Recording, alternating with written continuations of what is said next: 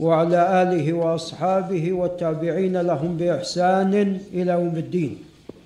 أما بعد فنحمده سبحانه وتعالى ونثني عليه الخير كله.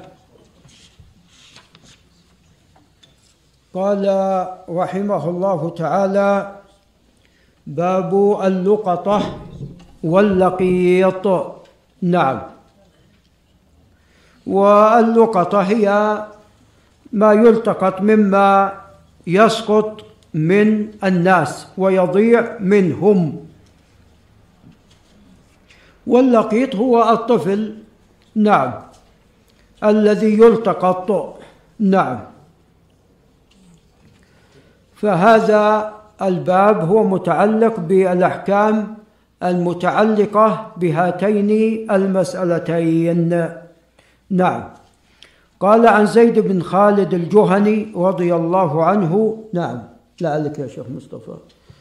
قال جاء رجل إلى النبي صلى الله عليه وسلم فسأله عن اللقطة فقال اعرف عفاصها ووكاءها ثم عرفها سنة فإن جاء صاحبها وإلا فشأنك بها.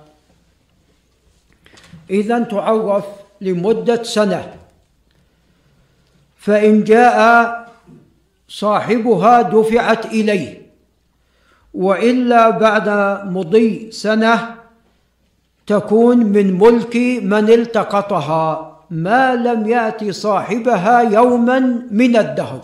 فإذا جاء عليكم السلام يوما من الدهر فإنها تدفع إليه أو يدفع له ما يقابلها. عليكم السلام. قال فضالة الغنم قال هي لك. أي إذا أخذتها أو لأخيك يأخذها أخوك أو للذئب. إذا لم تأخذ أنت ولا أخيك فإنها تكون عند حينئذ للذئب يأكلها. إذا خذها ولا تدعها وطبعا تعرف بها. نعم لأنها من جملة ما يلتقط نعم. قال فضالة الإبل قال ما لك ولها؟ معها سقاؤها وحذاؤها. ترد الماء وتأكل الشجره حتى يلقاها ربها. يعني ضالة الإبل بخلاف ضالة الغنم. لأن الإبل معها حذاؤها وسقاؤها. ترد الماء وتأكل من الشجر فلا يخاف عليها ولا يخشى عليها. اذا دعها حتى يأتي ماذا؟ حتى يأتي صاحبها. قال متفق عليه. قال ولمسلم عنه أي عن زيد بن خالد عن رسول الله صلى الله عليه وسلم قال من آوى ضالة فهو ضال ما لم يعرفها نعم. إذا أخذها وأخفاها وكتمها فهو ضال. نعم. لأنه قد ارتكب ذنبا. طبعا والضلال درجات وأقسام متعددة. نعم. يعني النسيان يقال عنه ضلال. نسيت ضللت عن هذا الشيء أين مكانه الذي وضعته فيه؟ نعم. ويطلق على طبعا على معصية الله عز وجل فمنه ما هو ضلال أكبر وهو الكفر. نعم. ومنه ما هو ضلال دون ذلك. نعم. وهي الكبيرة من كبائر الذنوب. نعم. وأيضا تحتها المعصية يعني التي ليست بكبيرة. قال من آوى ضالة فهو ضال ما لم يعرفها فإذا عرفها فهنا ليس بضال.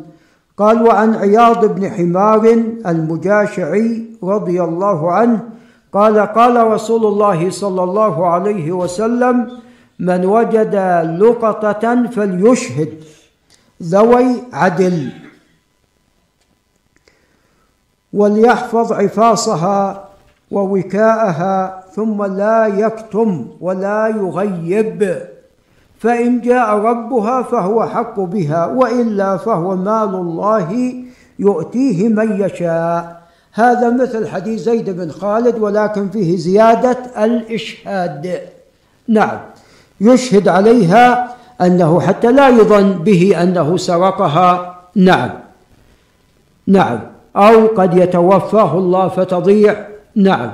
ف أو يعني يخشى أن الشيطان نعم آه، يوسوس له بأن يأخذها ويكتمها. فعند الشهادة يكون في هذا حفظ لها. ولذا العقود تكتب والديون توثق. نعم. من أجل ألا تذهب هذه الأشياء. فهذا فيه زيادة ماذا؟ فيه زيادة الإشهاد. وهذا خبر ثابت قد صححه ابن خزيمة وابن حبان وقواه ابن الجارود قال وعن عبد وعن عبد الرحمن بن عثمان التيمي رضي الله عنه أن رسول الله صلى الله عليه وسلم لها نهى عن لقطة الحاج رواه مسلم. نعم. فلقطة الحاج بخلاف باقي ما يلتقط. نعم. فلقطة الحاج لا تؤخذ أبدا. نعم. لا تؤخذ بحيث أن الإنسان نعم إذا أخذها يعوض بها مطلقا. لا تؤخذ لا تكون من نصيبه. لا تؤخذ أي لا تكون من نصيبه وإنما يعوض بها أبدا. نعم.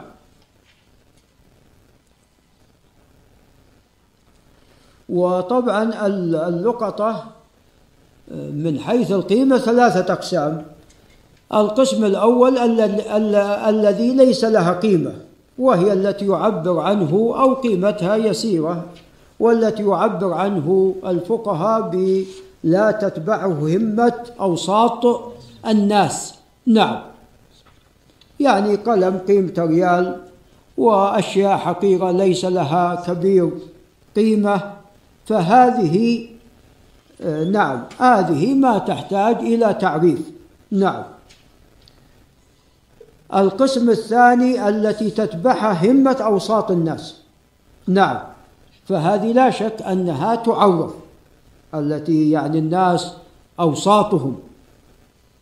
نعم. ليس الأغنياء. الأغنياء يعني قد يكون هذا الشيء الذي ضاع منهم وإن كان له قيمة عند غيرهم لكن عندهم ماذا؟ ليس له قيمة. فينظر إلى أوساط الناس. فالذي له قيمة عند أوساط الناس هذا يعوض.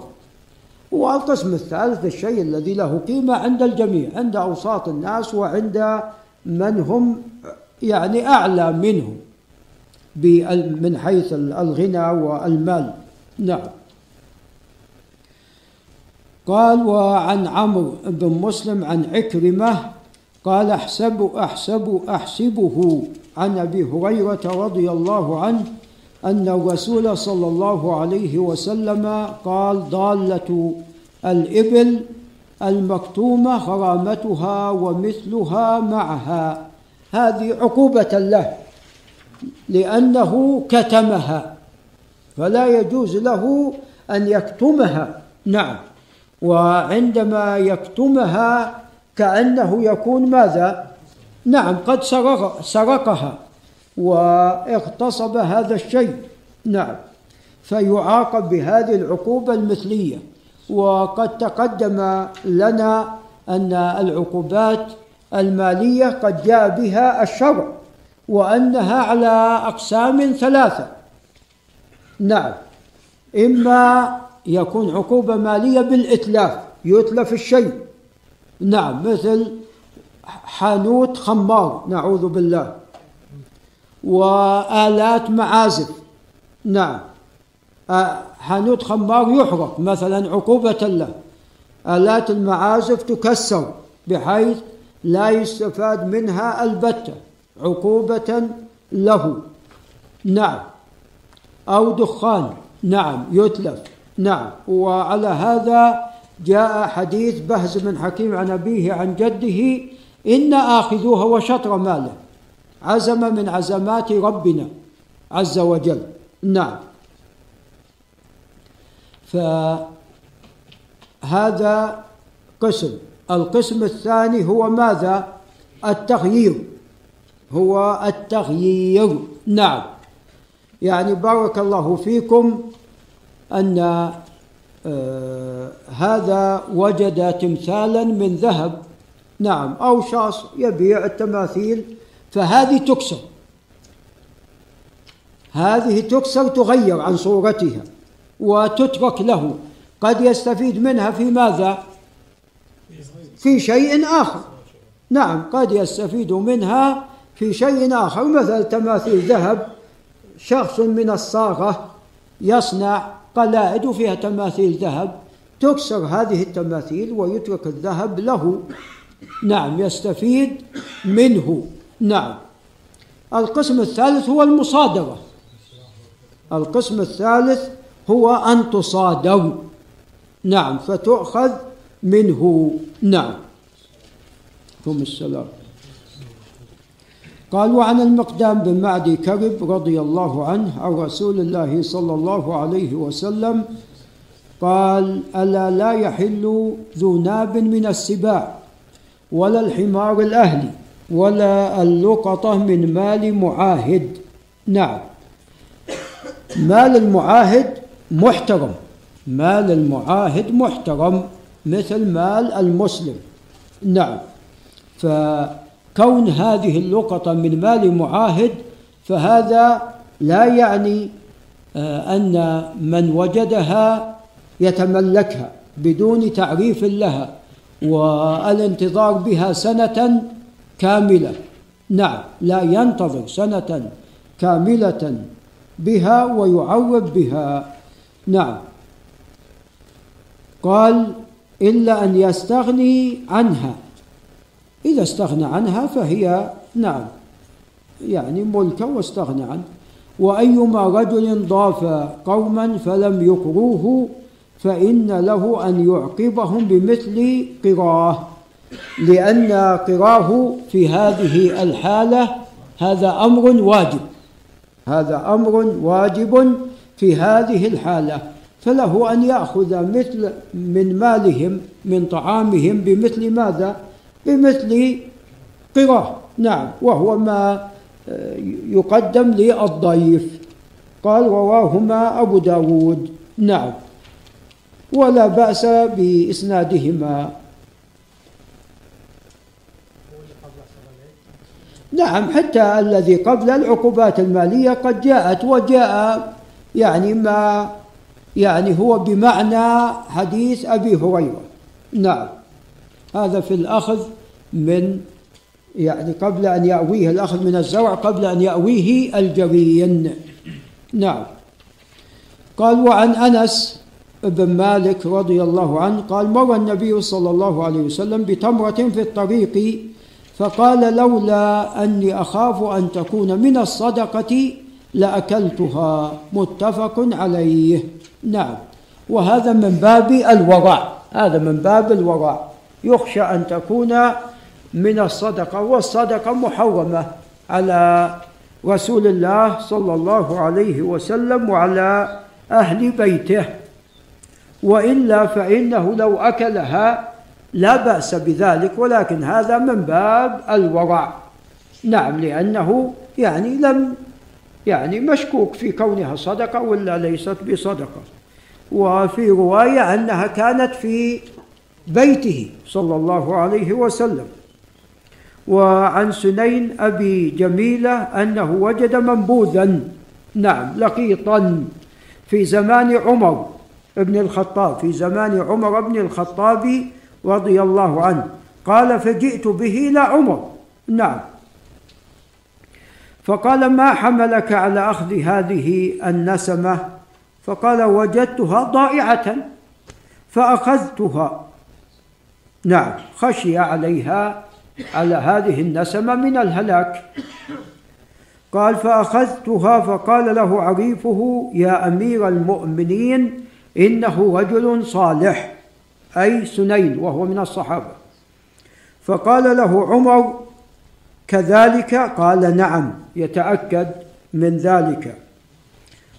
فقال عمر اذهب فهو حر ولك ولاؤه وعلينا نفقته. يعني تولى أمره والنفقة علينا. نفقة هذا اللقيط علينا نعم وولاؤه لك وهو حر اي نعم نعم لا شك. عمر كان أميره تكلم بصفة أمير للمؤمنين. نعم. قال رواه مالك في الموطا وهو صحيح. قال باب الوقف. نعم. وهو ما يقفه الإنسان على فعل الخير من مال. ما يقفه الإنسان من مال على فعل الخير. نعم. إطعام مساكين أو إعانة مجاهدين نعم. أو طباعة كتب نعم. نعم. أو أبناء سبيل وما شابه ذلك نعم. والوقف يعني في غاية من الأهمية. عليكم السلام. ولذا الصحابه ولذا آه، الصحابة كانوا يقفون رضي الله تعالى عنهم. نعم. ويعني حتى لا تتعطل منافع هذا الشيء. نعم تجعل عليه أوقاف. يعني مسجد مثلا شخص بنى مسجد. هذا المسجد إذا لم تكن له أوقاف قد ماذا؟ قد بعد سنوات يتعطل. خربت الحمامات الفرش. نعم. أصبح متقادم وممزق. نعم. كذا يحتاج أيضا إلى كذا. نعم. فقد يهجر المسجد. نعم. فوضع الأوقاف على المسجد هذا ضمان على بقاء هذا المسجد. نعم. شخص أقام مدرسة أيضا قد تتعطل هذه المدرسة بعد وفاته. نعم. فإذا جعل عليها أوقاف وناظر على الوقف تبقى بإذن الله هذه المدرسة. ولذا كان يعني شخص يريد أن يتبرع بمال خطير. يعني مثلا مليون.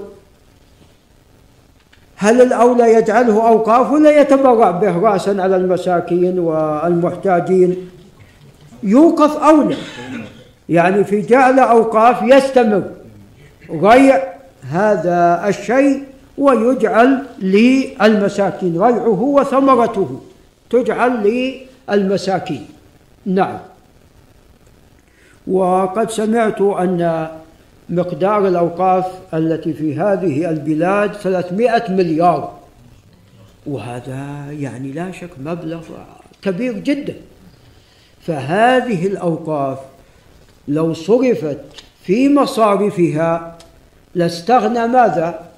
لاستغنى المسلمون في العالم كله. نعم لاستغنى المسلمون. نعم يعني لا يلزم أن تكون هذه موقوفة على فقراء.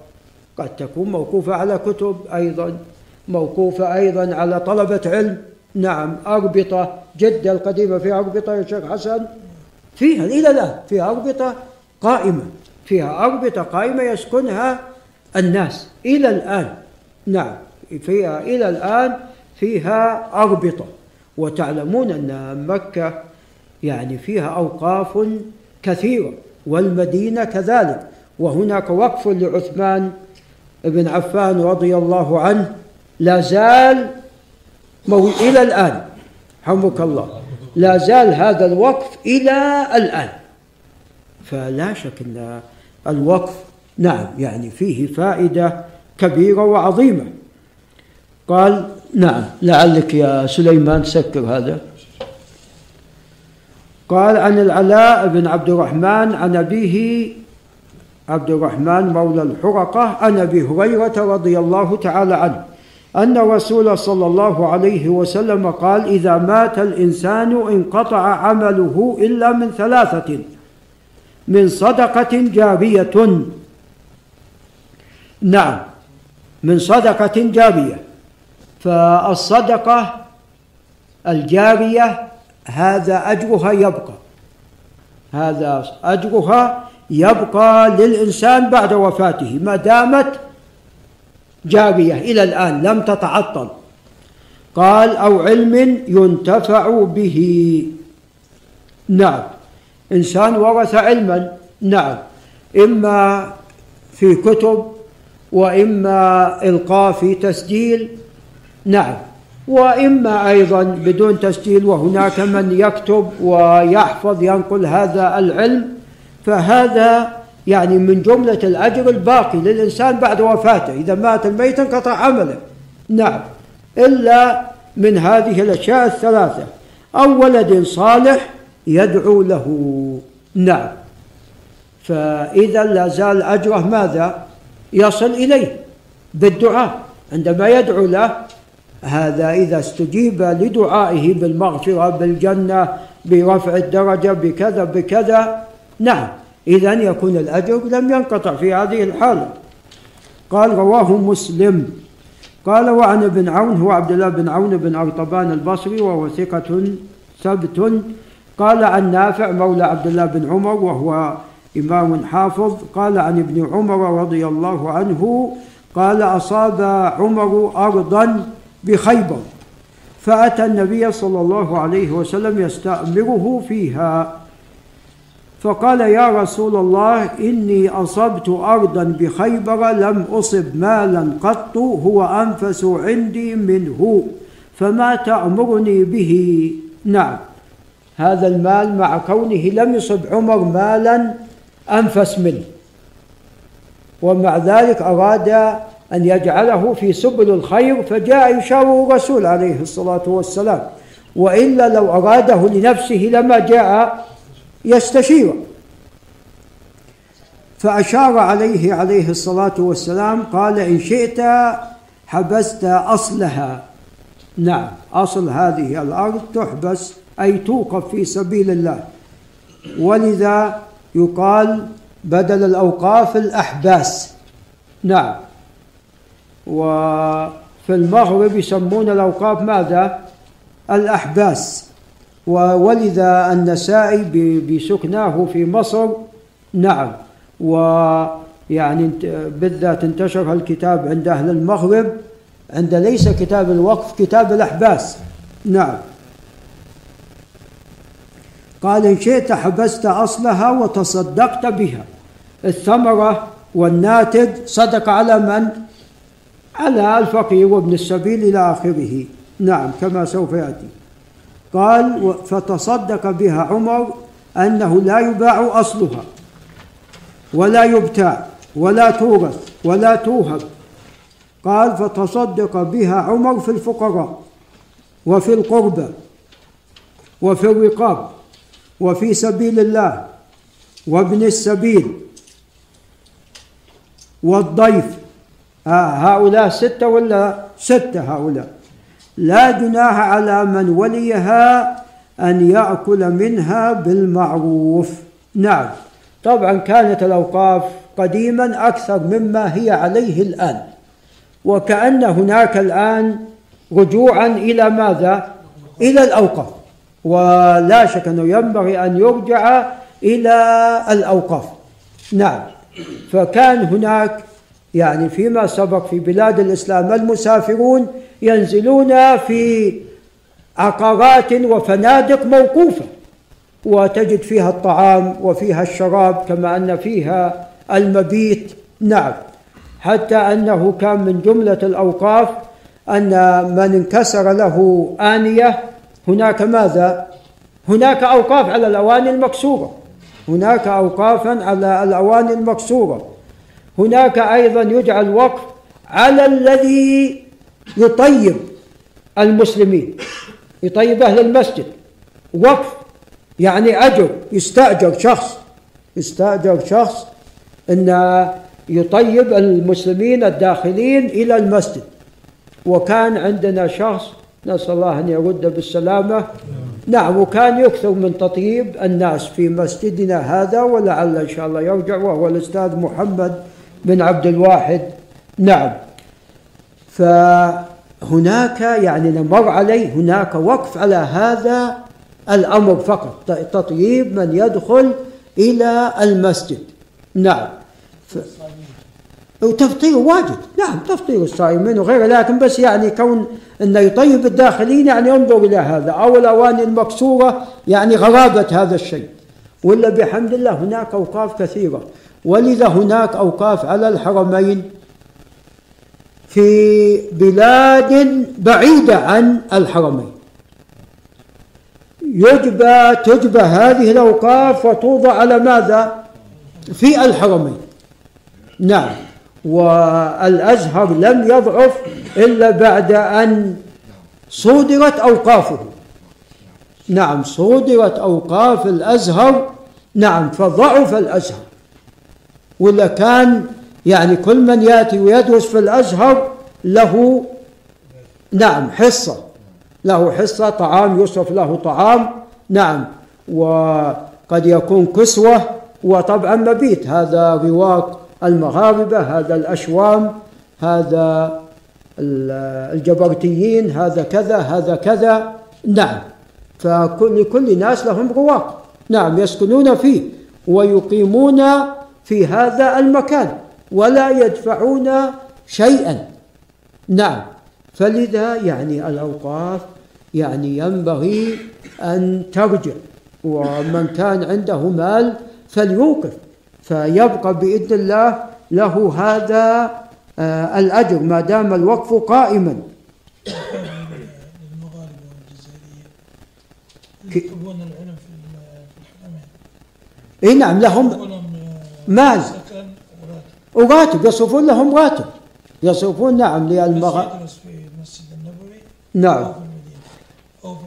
نعم أحسنت. يصرف له راتب بينما مثلا الذين من الأماكن الأخرى لا يصرف لهم راتب نعم. وراتبهم أكثر من طلاب الجامعات. إي نعم. لأن هناك من أوقف عليهم. أوقف عليهم.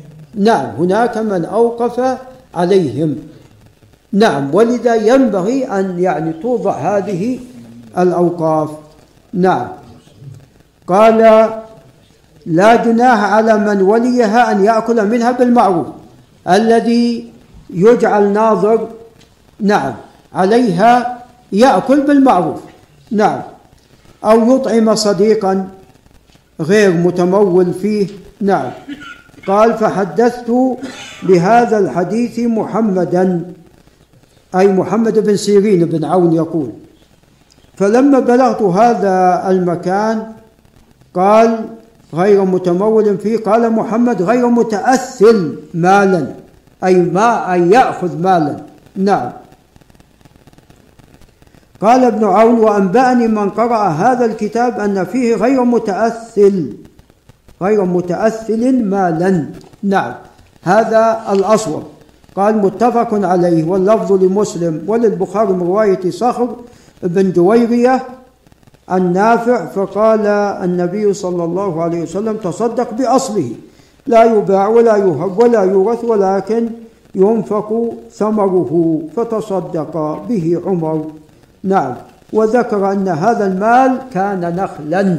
نعم لأنه بخيبر وخيبر مشهورة بنخيلها. نعم. وخاصة يعني ثمرة نخيلها كبيرة. وعندهم يعني ثمرة كبيرة تسمى الطيبة.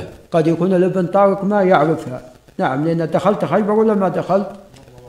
نعم خاصة خيبر القديمة يعني سبحان الله كأن أرضها الآن. كأنها يعني ولا أرض مصر كأن أرضها الآن. أنا ما شفت أرض مصر مصر. لكن يعني سوداء يوم دخلت خيبر القديمة وهي مهجورة. هي مهجورة والآن هي مغلقة. نعم. إلا في حالات خاصة نعم. كان من طريق القاضي السابق. نعم. دخلنا فكأنها الآن السماد موضوع فيها. سبحان الله.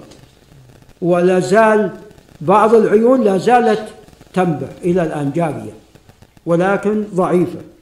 يسمونها ربيع. نعم. فلا زال بعض العيون لا زالت موجودة والنخيل لا زال. النخيل في خيبر القديمة أيضا لا زال موجود. الحديث الذي معنا مر معنا حديث سعيد بن زيد؟ قلت صلى عليكم في شرح الترمذي. نعم. الترمذي لم يصححه لأنه اختلف على هشام لكن الشطر الأول صحيح. الدار القطني رجح الإرسال نعم جميل. الدار قطني رجح الإرسال ولكن كما تقدم معناه في حديث عائشة. نعم. قال باب الهبة. نعم. والهبة لها أحكام وتنقسم إلى ثلاثة أقسام. الهبة تنقسم إلى ثلاثة أقسام. بعض أهل العلم قسمها إلى ثلاثة أقسام. قسم أنت تهب ولا تريد ماذا؟ ولا تريد مقابل. ولا تريد مقابل. نعم هذا قسم. قسم يهب الإنسان ويريد ماذا؟ ويريد مقابل. قسم يريد يهب ويريد مقابل. وقسم ثالث ممكن أن نجعل قسم ثالث أن هذا أنت تهب مقابل ماذا؟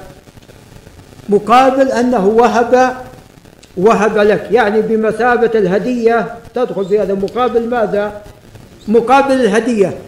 شخص يتهادى يتهادى بعضهم لبعض أشخاص يهدي بعضهم لبعض. نعم. فالهبة يعني لها أحكام وهي على أقسام. نعم.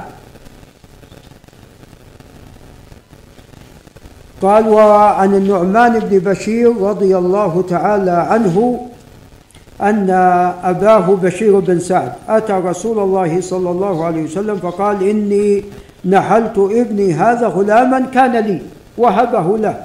فقال عليه الصلاة والسلام أكل ولدك نحلته مثل هذا؟ فقال لا. فقال رسول الله صلى الله عليه وسلم فأرجعه. نعم. وفي رواية أني لا أشهد على زوج وهذه الرواية الثانية قال وفي لفظ تصدق علي أبي ببعض ماله. فقالت أمي عمرة بنت رواحة. أخت عبد الله بن رواحة لا أرضى حتى تشهد رسول, رسول الله صلى الله عليه وسلم. فانطلق أبي إلى رسول الله صلى الله عليه وسلم ليشهده على صدقتي. فقال عليه الصلاة والسلام فعلت هذا بولدك كلهم؟ نعم. قال لا. قال اتقوا الله واعدلوا في أولادكم. فرجع أبي فرد تلك الصدقة. متفق عليه. واللفظ لمسلم. وفي لفظ له فقال أكل بنيك. وهذا أصح. أكل بنيك. نعم. هذا أصح. تقدم لنا ذلك في درس الترمذي. وأن روايات كل بنيك أصح وأكثر. نعم. لأن إذا كان كل أولادك يدخلون الذكور وماذا؟ والإناث. ويكون في هذا حجة لمن جعل الهبة. إذا أراد الإنسان يهب لأولاده يساوي بينهم ذكورا وإناثا. هذا قول معروف لأهل العلم. والقول الثاني أن الهبة تكون مثل الميراث. مثل الميراث. فللذكر مثل حظ الأنثيين. وقالوا لا قسمة أعدل من قسمة الله. وهذا القول والله أعلم هو الأرجح لأن في أكثر رواية بنين فالتس... فالتسوية بين البنين هذا أمر واجب ولا مو واجب؟ واجب.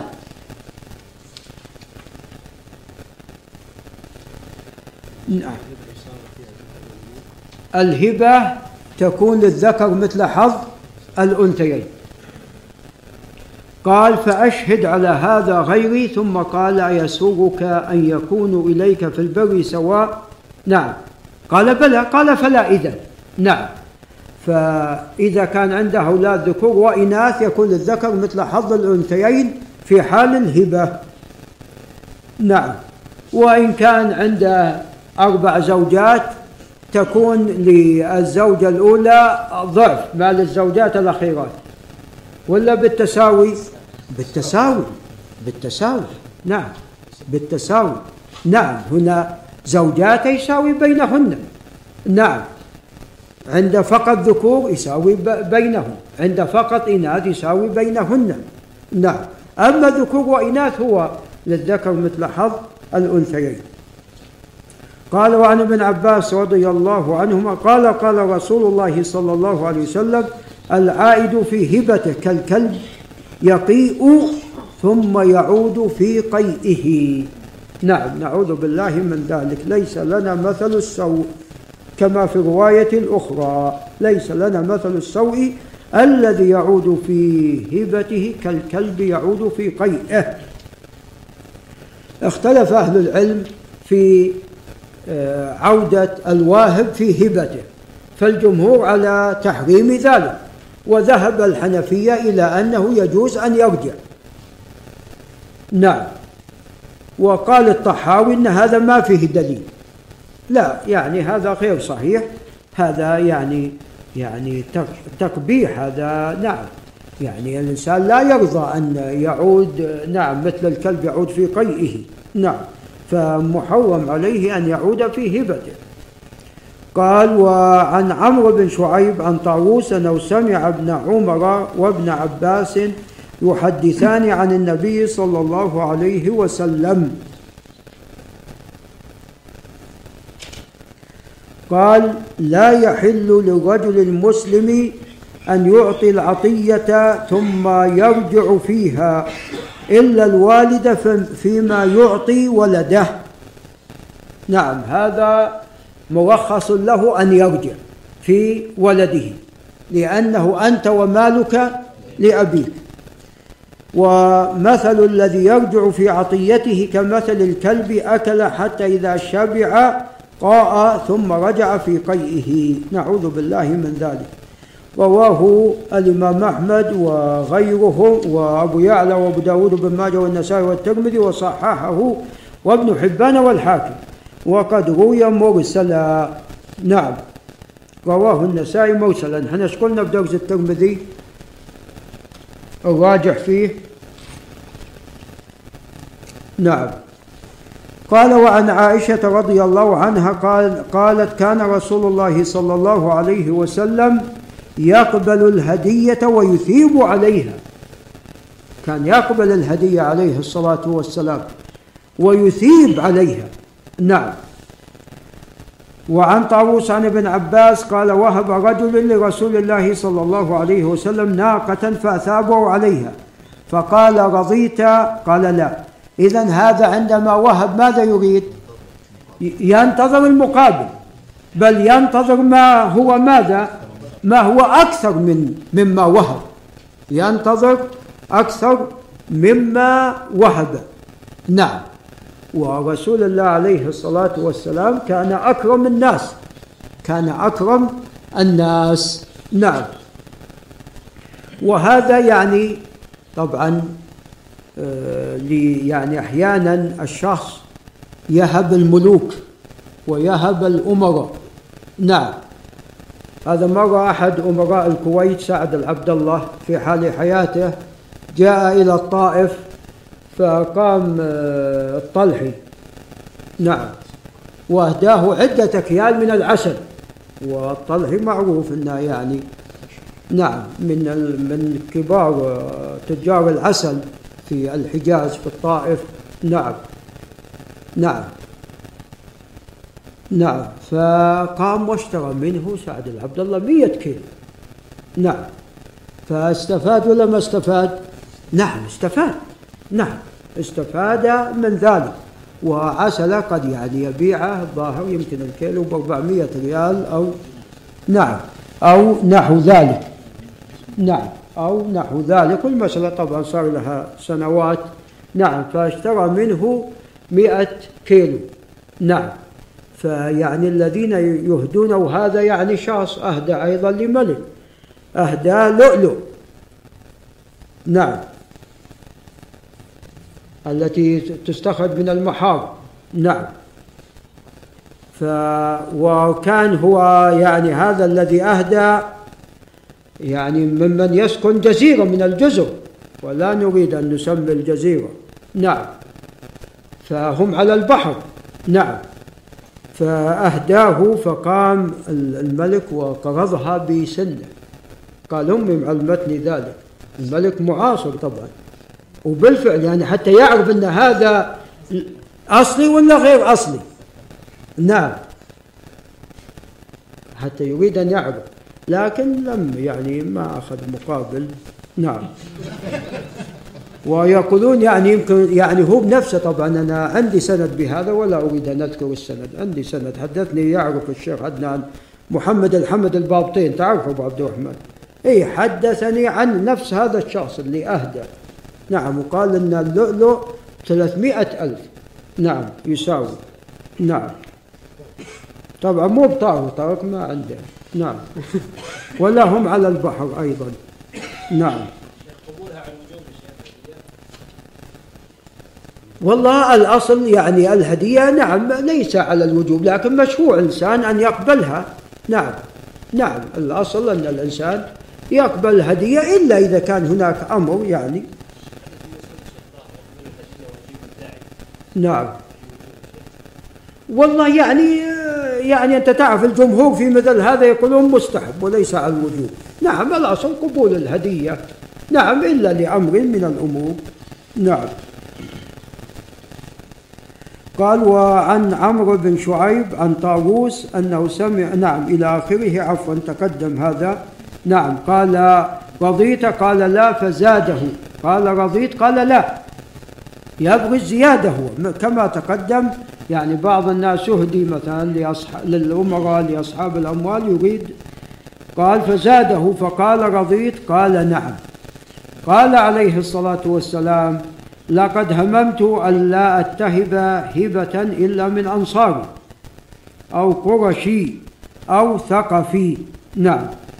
رواه أحمد والطبراني وأبو حاتم البستي. قال وقد روي نحوه من حديث أبي هريرة. نعم. وفي بعض الروايات زيادة أو دوسي. نعم.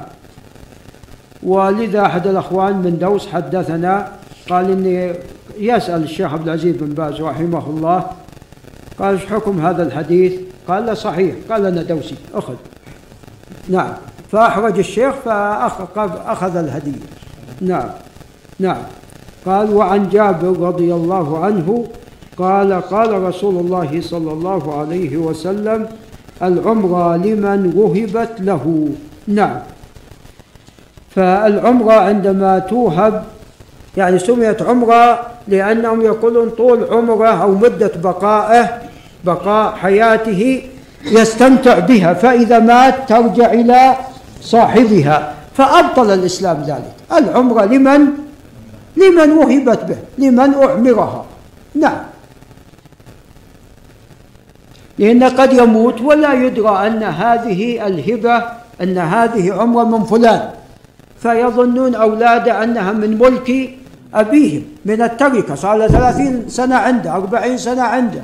هذا الأولاد لم يولدوا إلا بعد أن أعمر. هذه نعم هذا الشيء أو العمرة. اي نعم نعم. قال وعن وقال نعم. ولمسلم عنه نعم. قال قال رسول الله صلى الله عليه وسلم أمسكوا عليكم أموالكم. لا تفسد ولا تفسدوها بهذه الطريقة. نعم.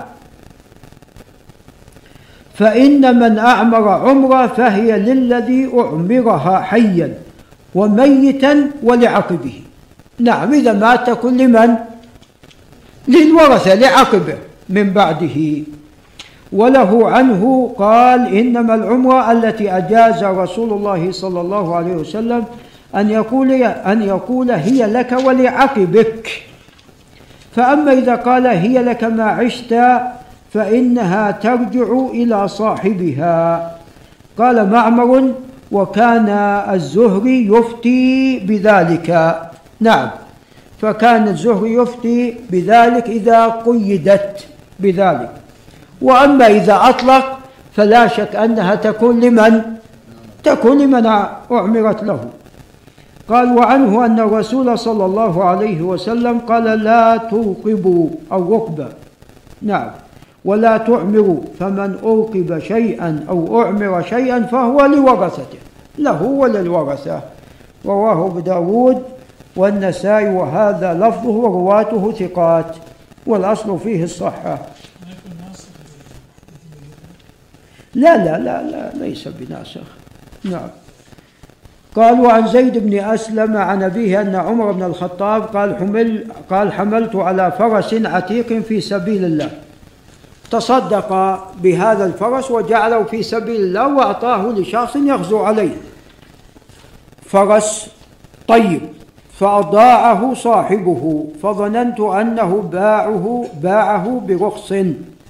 فظننت أنه بائعه برخص. أراد عمر أن يشتريه. فسألت رسول الله صلى الله عليه وسلم عن ذلك فقال لا تبتعه نهاه عن شرائه. وإن أعطاكه بدرهم. نعم. حتى لو أعطاك إياه بدرهم لا تشتريه ولا تعد في صدقتك. أنت الآن تصدقت لا تعد لا تشتري صدقتك. فإن العائد في صدقته كالكلب يعود في قيئه. متفق عليه واللفظ لمسلم. فهذا فيه تحريم العود في الصدقة. قال باب الوصية. نعم. نعم نعم أحاديث كثيرة في هذه السلسلة ولم يصحح إلا حديثا نعم. الحديث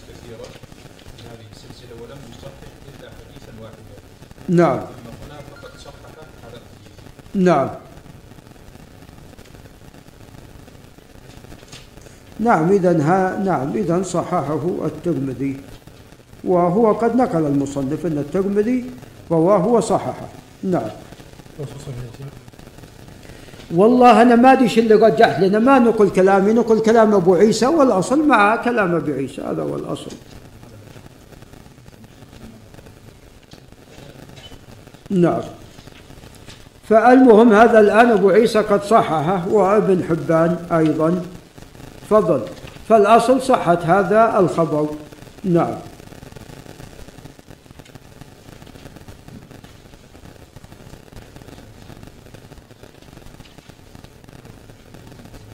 لا بس لا بس خلها من جهتك إذا كان من الممكن.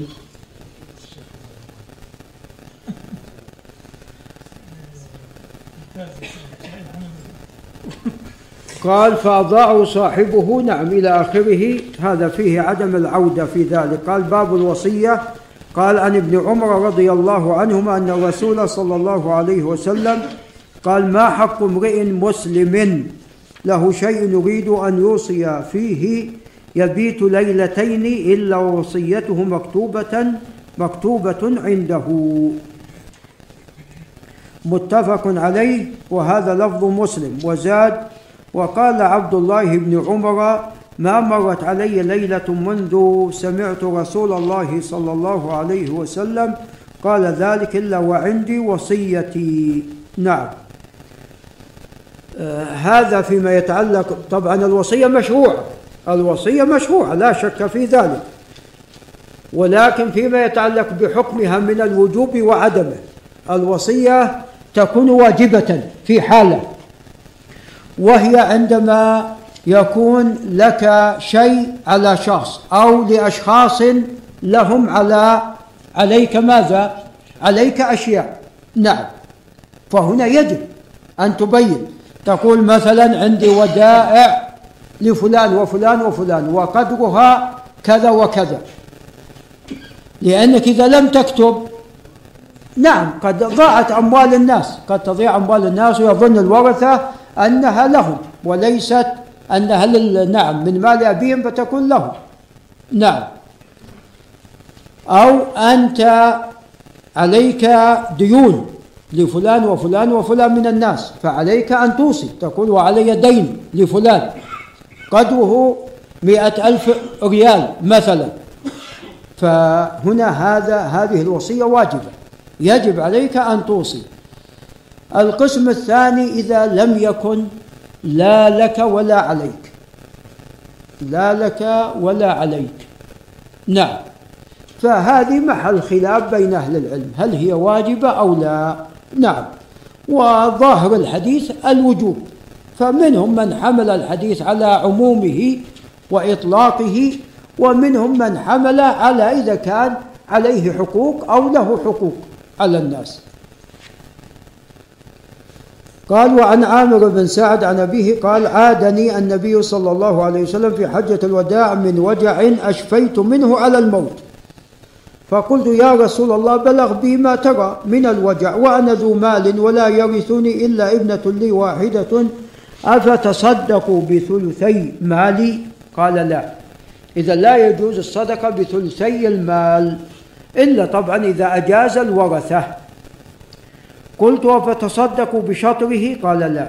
قلت فالثلث؟ قال الثلث والثلث كثير.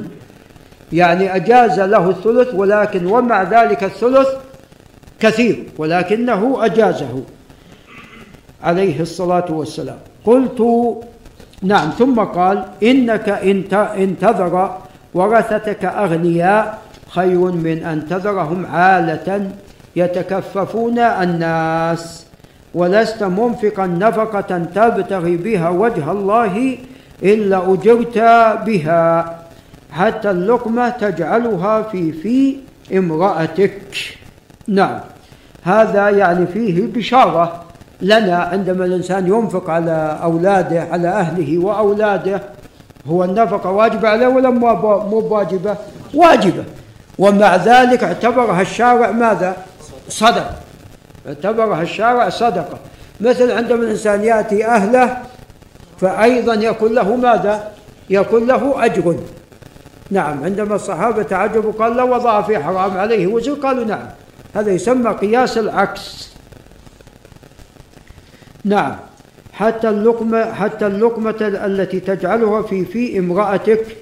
قال قلت يا رسول الله أخلف بعد أصحابي.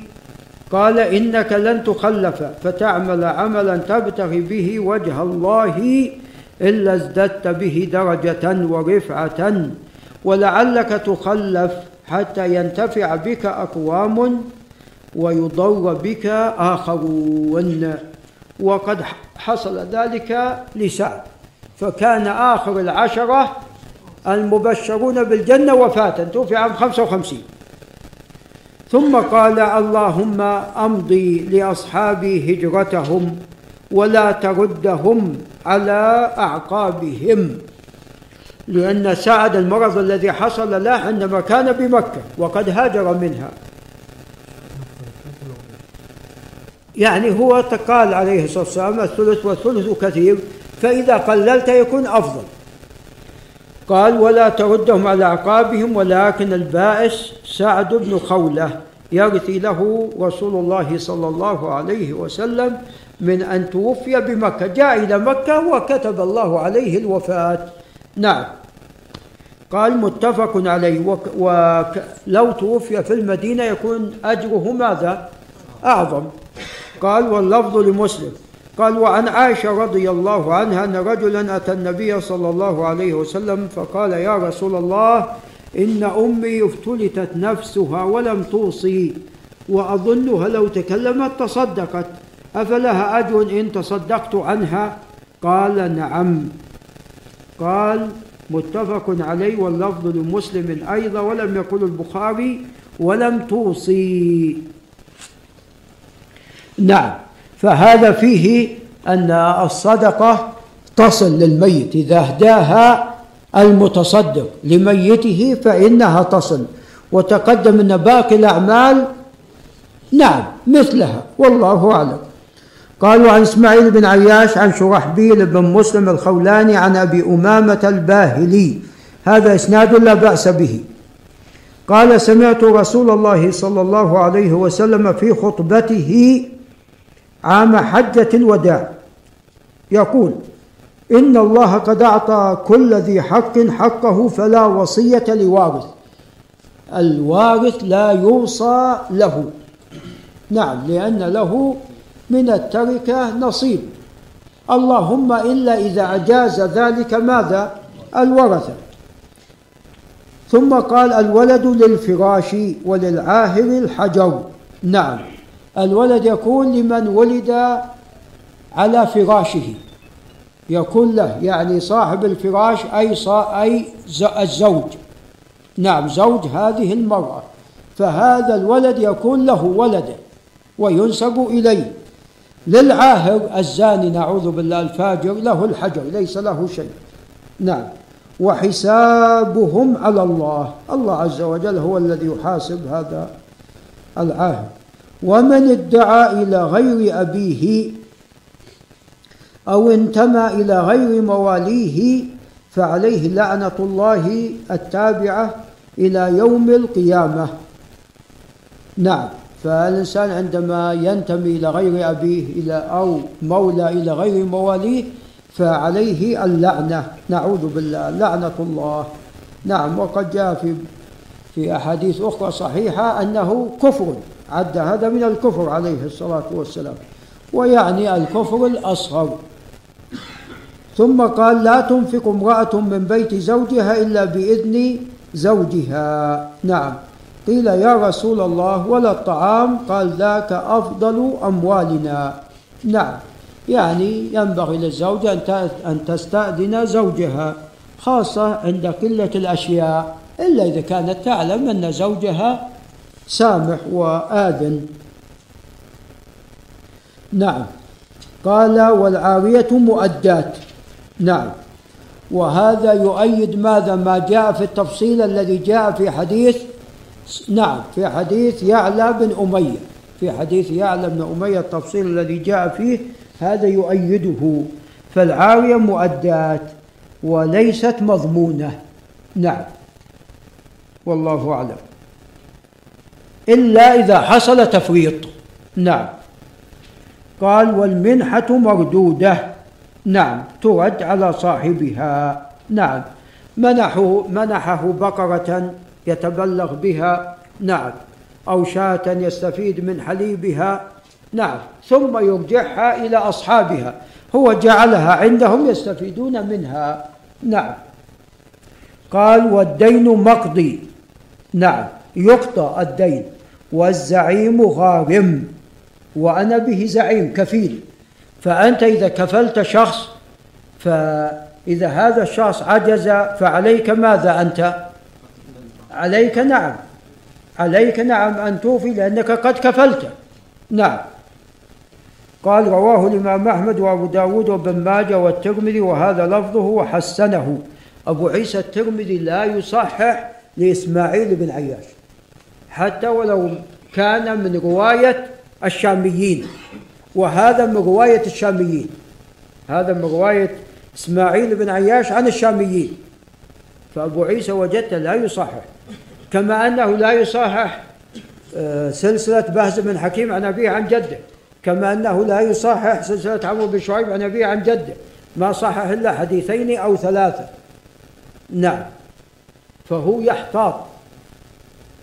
فهذا فيه يعني آه، جواب عن خاصة الحافظ الذهبي لنشن على الترمذي ووصفه بالتساهل. نعم.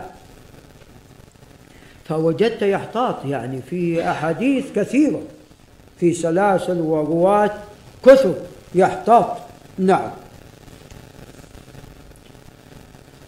قال رواه الإمام أحمد وأبو داود وابن ماجه والترمذي وهذا لفظه وحسنه وبعض مختصره هو شرحبيل من ثقات الشاميين. قاله الإمام أحمد وضعفه يحيى بن معين. نعم وراجح أنه صدوق لا بأس به. قال كتاب الفرائض والولاء. نعم. إي نعم الحديث ثابت تقدم. نعم. قال نعم. طبعا الفرائض تولى ربنا عز وجل قسمة هذه الفرائض بنفسه جل وعلا. نعم.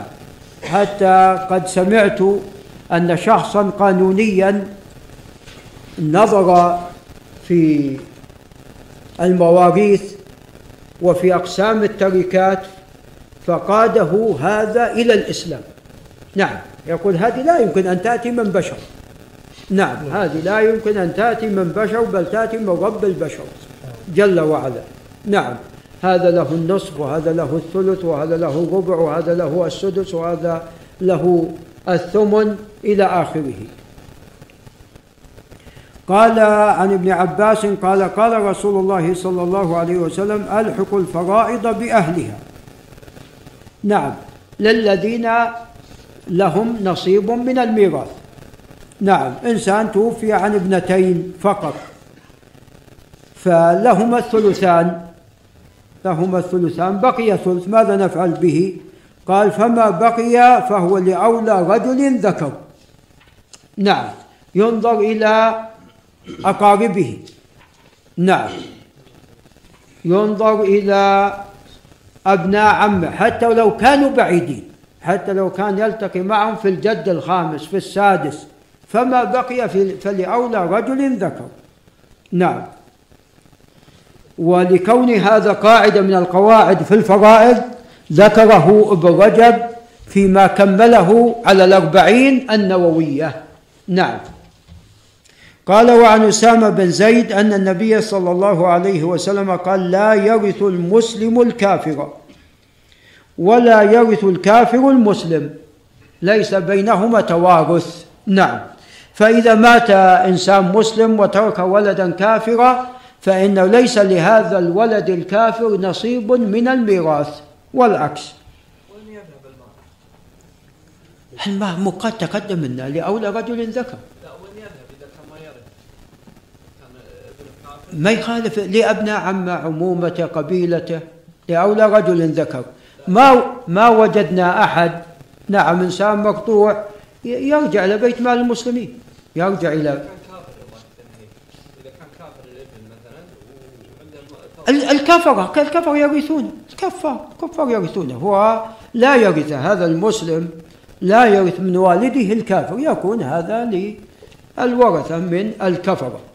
الخطيب البغدادي رحمه الله عندما توفي لم يك لم يكن عنده ولد وليس عنده زوجة. كان عنده 200 دينار. فمرض رحمه الله فأرسل إلى الخليفة. أرسل إلى الخليفة يستأذن في تفريق ماذا؟ تفريق المئتين دينار ببغداد. ففرقها الخطيب رحمه الله وملابس الظاهر تصدق بها. فعندما مات نعم لم يدع شيء رحمه الله تعالى. وعبروا عبروا النهر في من أجل تشييع جنازته في بغداد عبروا نهر دجلة الذين كانوا في الجانب الآخر حتى يشيعون جنازته. نعم. وتمنى في حال حياته أن يدفن عند قبر بشر بن الحارث الحافي ودفن بحمد الله عند قبر بشر بن الحارث. نعم. قال وعن أبي قيس قال سمعت هزيل بن شرحبيل قال سئل أبو موسى عن بنت وابنة ابن وأخت. واحد شخص توفي وترك بنت ترك بنتا له. وابنة ابن نعم حفيدته. وأخت له. فقال أبو موسى للبنت النصف وللأخت النصف وبنت الابن يعني ليس لها شيء. وأتي ابن مسعود فسيتابعني. فسئل ابن مسعود رضي الله عنه وأخبر بقول أبي موسى فقال لقد ضللت إذا وما أنا من المهتدين. أقضي فيها بما قضى النبي صلى الله عليه وسلم. للبنت النصف. نعم للبنت النصف. أي لابنته البنت البنت بنته بنتها النصف ولابنة الابن السدس تكملة الثلثين. نعم. فلو كانتا ابنتين لهما الثلثان. الآن بنت وبنت ابن. فالبنت الأولى لها النصف ولبنت الابن لها السدس تكملة الثلثين. وما بقي والباقي هنا ثلث فللأخت. فأتيا أبا موسى ف... ف... نعم فأتينا عفوا. أبا موسى فأخبرناه بقول ابن مسعود. فقال لا تسألوني ما دام هذا الحبر فيكم. نعم لا شك أن عبد الله بن مسعود كان أعلم من أبي موسى فهو من كبار علماء الصحابة كما تعلمون. قال رواه البخاري. وقال وقال نعم ابن داود يعني علي بن داود الظاهري علي بن داود الظاهري آه، داود بن علي داود بن علي. نعم ابن داود محمد بن داود. محمد ابن داود بن علي الظاهري محمد ابن داود صاحب كتاب الزهرة محمد بن داود كان فقيها وأديبا كان فقيها وأديبا. نعم محمد بن داود بن علي الظاهري قال وهو خبر في تثبيته نظر لأن أبا قيس مجهول لم تثبت عدالته. وهزيل قريب منه قال كذا قال وفي قوله نظر. نعم. الحديث قد رواه البخاري. نعم ولا شك البخاري مقدم على محمد بن داود على جلالة محمد بن داود. نعم. قال وعن عمرو بن شعيب عن أبيه عن جده عبد الله بن عمرو.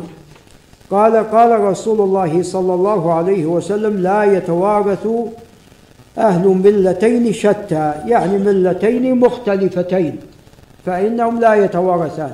الذي تقدم في حديث أسامة المسلم مع الكافر والعكس.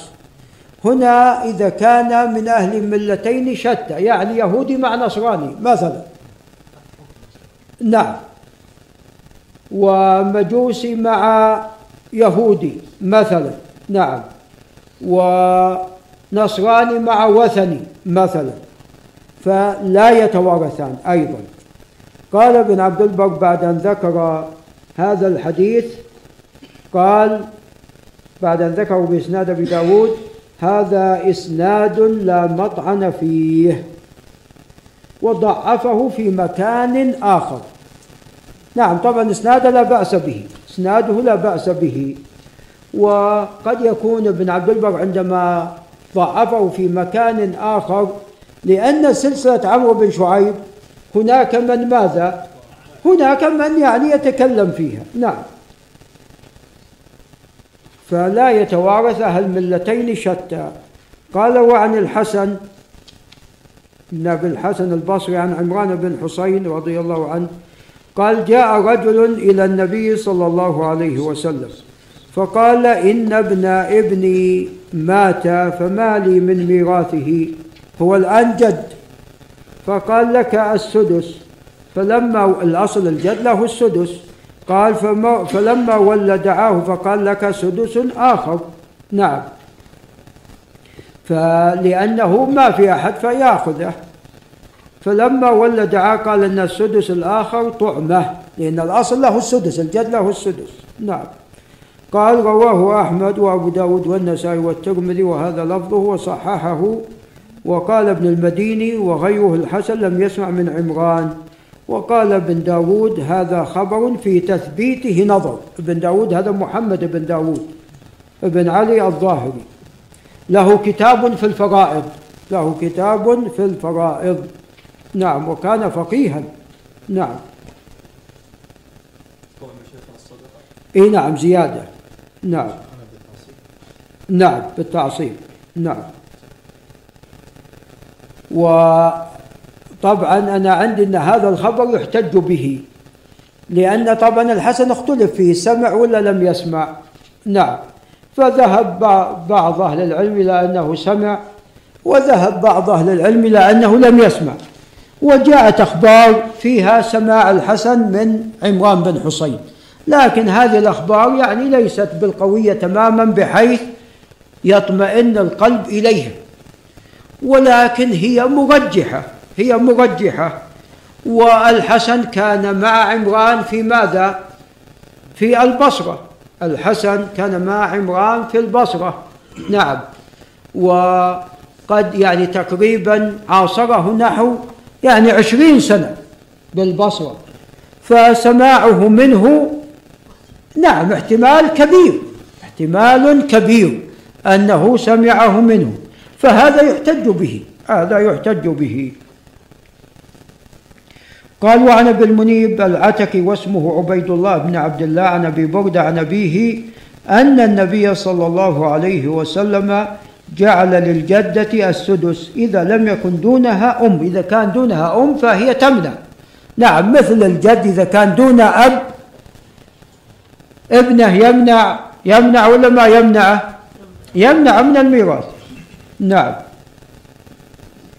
قال رواه أبو داود والنسائي وأبو المنيب وثقه بن معين وتكلم فيه البخاري وقال ابن عدي بعد أن روى له هذا الحديث وهو عندي لا بأس به. نعم هذا الخبر لا بأس به. هذا الخبر لا بأس به.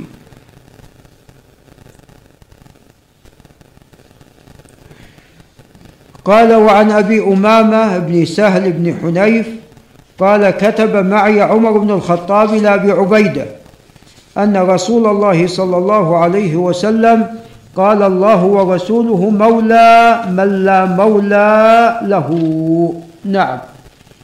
والخال وارث من لا وارث له. إذا ما له ورثة من أبنائه وعمومته العصبة فذوي الأرحام هنا يرثون. ذوي الأرحام في هذه الحالة يرثون مثل الخال. فالخال وارث من لا وارث له. قال رواه أحمد والترمذي وقال حديث حسن والنسائي وأبو حاتم البستي وقد روى حديث الخال وارث من لا وارث له غير واحد منه المقدام بن معدي كرب وقد حسن أبو زرعة حديثه. هذا الحديث ثابت بمجموع طرقه جاء من أكثر من وجه. فهو حديث ثابت بمجموع طرقه. نعم حديث المقدام نعم قوي. قال وعن أبي هريرة رضي الله عنه عن النبي صلى الله عليه وسلم قال إذا استهل المولود ورث رواه أبو داود بإسناد جيد.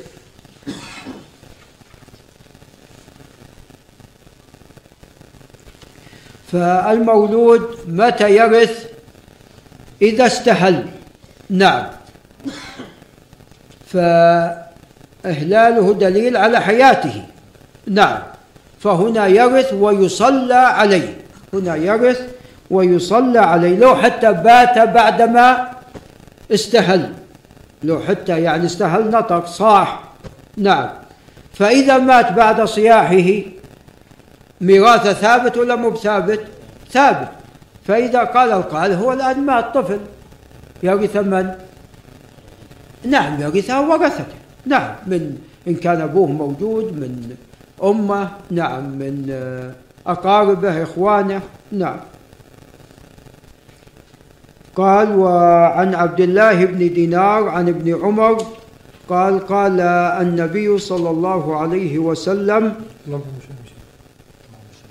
نعم قال وعن عمرو بن شعيب عن أبي عن جده قال قال رسول الله صلى الله عليه وسلم ليس للقاتل من الميراث شيء.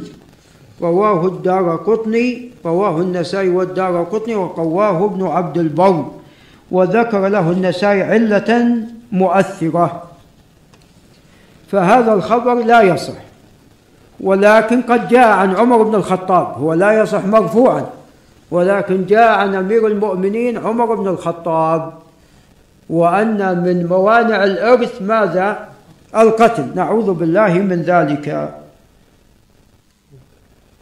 قال وعن عمرو بن شعيب عن أبي عن جده عن عمر بن الخطاب قال سمعت رسول الله صلى الله عليه وسلم ما أحرز الولد أو الوالد فهو لعصبته من كان. نعم. تقدم أن ما بقي فلأولى رجل ذكر من العصبة.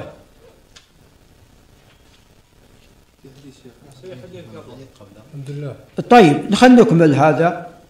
قال رواه ابن المديني وقال هو من صحيح ما يروى عن عمرو. نعم.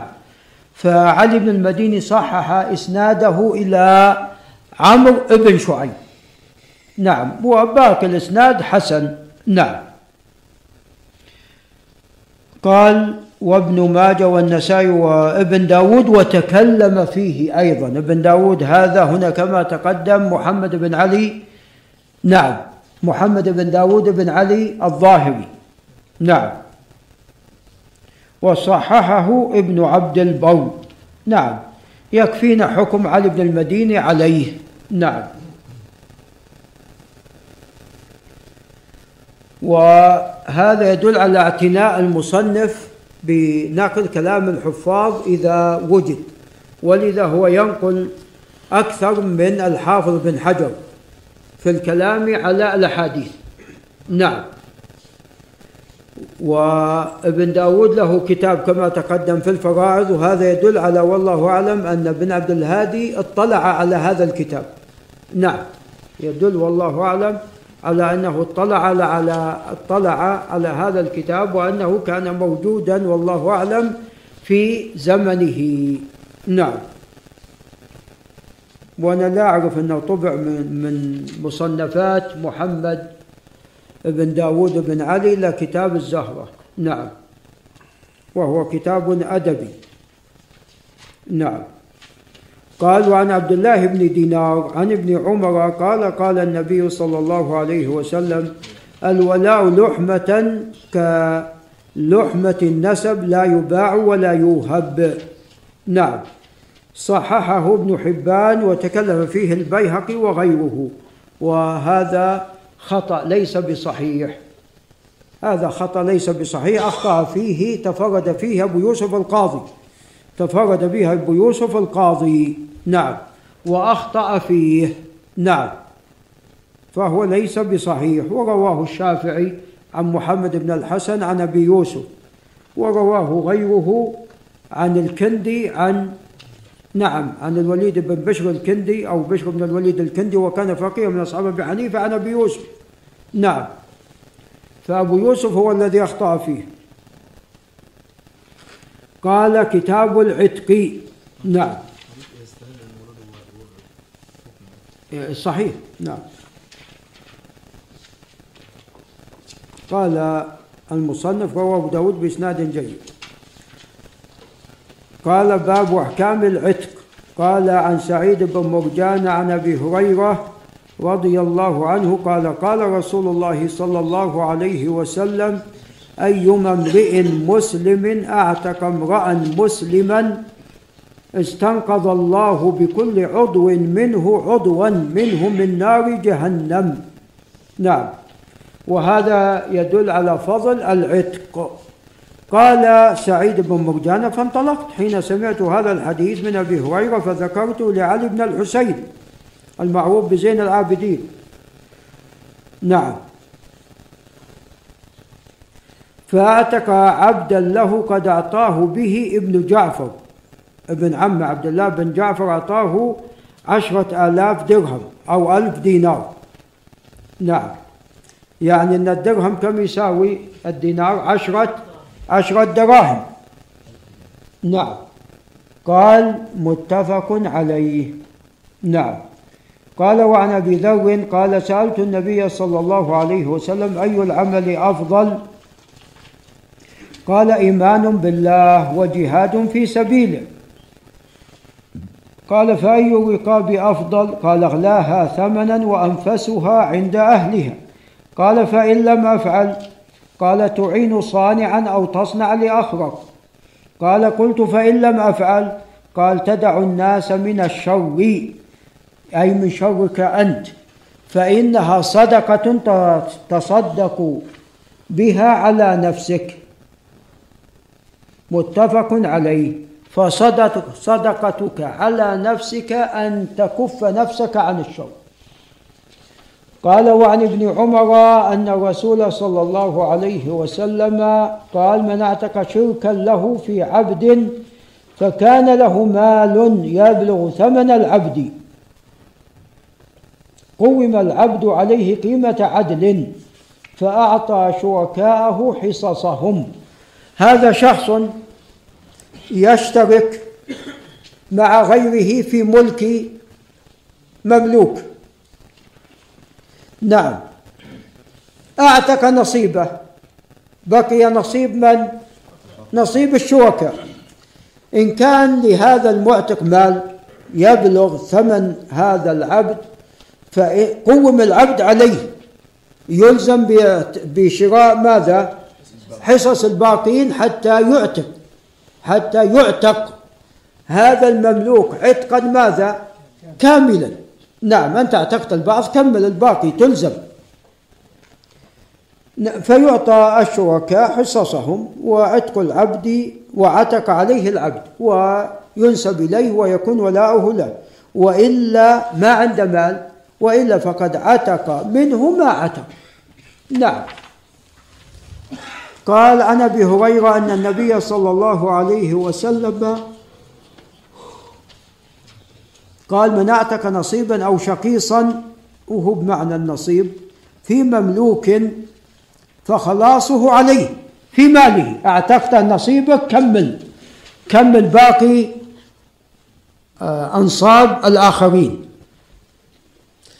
فخلاصه عليه في ماله إن كان له مال وإلا قوم عليه. نعم فاستسعي به غير مشكوك عليه.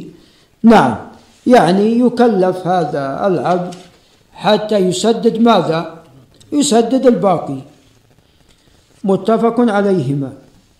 وعنه قال قال رسول الله صلى الله عليه وسلم لا يجزي ولد والده إلا أن يجده مملوكا فيشتريه فيعتقه. هذا في هذه الحالة يجزيه. نعم. قال وعن عمران بن حسين رضي الله عنه أن رجلا اعتق ستة مملوكين له عند موته. لم يكن له مال غيرهم. فدعا بهم رسول الله صلى الله عليه وسلم فجزأهم أثلاثا لأن ليس له حق في ماله إلا في ماذا؟ إلا في الثلث. توصي بالثلث توصي بالثلث. هذا أوصى ماذا؟ بكل بكل مال. ثم أقرع بينهم. فأعتق اثنين وأورق أربعة. أو أرق أربعة. وقال له قولا شديدا أنكر عليه. رواهما مسلم. قال وعن حماد بن سلمة عن قتادة عن الحسن عن سمرة أن النبي صلى الله عليه وسلم قال من ملك ذا رحم محرم فهو حر. نعم. إذا ملكت آه نعم. شخص هو محرم لك فيكون حرا ماذا؟ عليك. يكون هو حر عليك. كيف؟ تملك شخص ماذا؟ محرم لك. يعني قريب لك فيكون حر عليك. رواه أحمد وأبو داود وابن ماجه والنسائي والطبراني والترمذي وقال لا نعرفه مسندا إلا من حديث حماد. يعني هذا الخبر لا يصح وإنما هو مرسل أو أنه عن الحسن من قوله. نعم. جاء عن عمر قتادة عن عمر وهو منقطع جاء عن قتادة عن الحسن من قوله. نعم. فهذا جاء عن عمر جاء عن الحسن. نعم وأما مرفوع فلا يصح. قال وقد تكلم في هذا الحديث غير واحد من الحفاظ. وقد روي من قول عمر ومن قول الحسن وروي من حديث ابن عمر وعائشة ولا يصح منها شيء. نعم. قال وعن سفينة قال كنت مملوكا لأم سلمة. فقالت أعتقك وأشترط عليك أن تخدم رسول الله صلى الله عليه وسلم ما عشت. فقلت وإن لم تشترطي علي ما فارقت رسول الله صلى الله عليه وسلم ما عشت. نعم. قال فأعتقتني واشترطت علي. رواه أحمد وأبو داود وابن ماجه والنسائي. وقال هذا حديث صحيح الإسناد وهو حديث صحيح. قال باب التدبير وهو أن يوصي بعتق عبده عن دبر يعني عند ماذا؟ عند موته. قال وعن عمرو بن دينار عن جابر بن عبد الله أن رجلا من الأنصار يعتك غلاما له عن دبر لم يكن له مال غيره فبلغ ذلك النبي صلى الله عليه وسلم. فقال من يشتريه مني؟ فاشتراه نعيم بن عبد الله بثمانمائة درهم درهم. نعم. قال فدفعها إليه. قال عمرو سمعت جابر بن عبد الله يقول عبدا قبطيا مات عام أول متفق عليه. نعم. وفي لفظ البخاري أعتق غلام له عن دبر فاحتاج. نعم.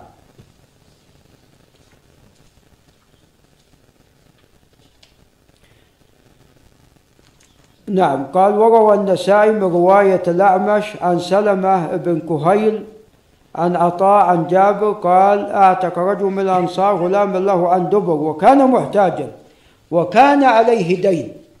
كيف تعتق وعليك ماذا؟ وعليك دين. فباعه رسول, رسول الله صلى الله عليه وسلم بثمانمائة درهم فأعطاه إياه. فقال اقضي دينك. نعم. فهذا يدل على أنه حتى لو أوصى بأنه يعتق إذا كان عليه حق مالي مقدم. نعم. أو كان له ورثة وليس عنده إلا هذا العبد فثلثين للورثة وثلث نعم. وثلث نعم هذا يكون صدقة. نعم. كما تقدم في الذي ترك ماذا؟ ستة أعبد فأوق أربعة واثنان ماذا؟ أعتقهم نعم. له الثلث من ماله يعتق. عفوا يتصدق به. نعم. قال باب المكاتب وأم الولد. وتقدم لنا بعض الأحكام المتعلقة بأم الولد. قال وعن عمرو بن شعيب عن أبيه عن جده طبعا مما يتميز به كما تقدم كتاب المحرر على كتاب البلوغ كثرة ماذا؟ كثرة الكتب. كثرة غير الكلام على الأسانيد. كثرة أيضا الكتب. نعم والتبويبات. لكن غير التبويبات ذكرنا التبويبات فيما سبق. مثلا في الجنائز الحافظ ما بوب ابن ابن عبد الهادي بوب يمكن تسعة أبواب أو نحو ذلك في الجنائز. فأيضا كثرة الكتب. ضمن كتابه المحرر وهذه الكتب فيها فائدة هذه فيها شرح للأحاديث وتنبيه على المسائل الفقهية تنبيه على المسائل الفقهية. وتقدم لنا يعني في باب ما ذكر إلا حديث واحد. والآن هذا الباب التدبير وهو بمثابة الكتاب ذكر فيه حديثين نعم. قال عن عمرو بن شعيب عن أبيه عن جدي عن النبي صلى الله عليه وسلم قال أيما عبد كاتب على مئة أوقية فأداها إلى عشرة أواق فهو عبد. يعني ما كمل ماذا؟ ما كمل قيمة ما اتفق عليه مع من كاتبه. نعم. وأيما عبد كاتب على مئة دينار نعم. فأداها إلى عشرة دنانير فهو عبد. لأن إلى الآن ما كمل ماذا؟ ما كمل المئة. لا زال. لا زال هو بعد ما كمل القيمة قيمته. قال رواه أحمد وأبو داود والترمذي والنسائي والحاكم وصححه ورواه ابن ماجة مختصرا. نعم. هذا الخبر والله أعلم إحنا ماذا قلنا عنه؟ هذا مر علينا في الترمذي. نعم. قال وعنه عن النبي صلى الله عليه وسلم المكاتب عبد ما بقي عليه من مكاتبته درهم. هذا يؤيد ما تقدم. قال رواه أبو داود وهو رواية إسماعيل بن عياش عن شيخ شامي ثقة. نعم.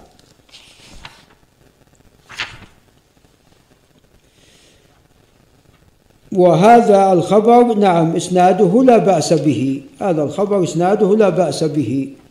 وقد حسنه الحافظ في بلوغ المرام. نعم. وهذا بمعنى الحديث السابق. قال وعن, وعن أم سلمة رضي الله عنها قالت قال لنا رسول الله صلى الله عليه وسلم إذا كان لإحداكن مكاتب فكان عنده ما يؤدي. فلتحتجب منه. نعم. لأنه الآن بمثابة ماذا؟ الحر قال رواه أحمد وأبو داود بن ماجه والنسائي والترمذي وصححه وتكلم فيه غير واحد من الأئمة لأنه من رواية الزهري عن نبهان مولى أم سلمة. ونبهان ليس بالمشهور.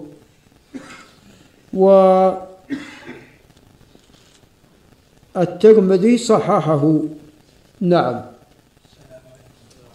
عليكم السلام ورحمة الله وبركاته. إي نعم. إي نعم لنا من رواية نبهان. نعم لنا من رواية نبهان. وترى لا نسمح للشيخ إبراهيم أن يخرج إلا بعد أن يتقهوى. يعني الأسبوع الماضي هو فات سجل الشيخ اسم الشيخ إبراهيم. مسجل ترى اسمك في الإجازات مسجل يا شيخ. نعم. خير إن شاء الله على خير. آمين. كلام شيخ سميدع مطاع في قوله وفي عند جزاك الله خير. جزاك الله خير. نعم. ففي تصحيح هذا الحديث نعم في تصحيحه نظر. نعم. ومما يؤيد هذا النظر أنه إلى الآن لم لم يعتق حقيقة. إلى الآن لم يعتق حقيقة. نعم. وطبعا لنبهان حديث آخر أيضا صححه أبو عيسى الترمذي وهو فعمياوان أنتما.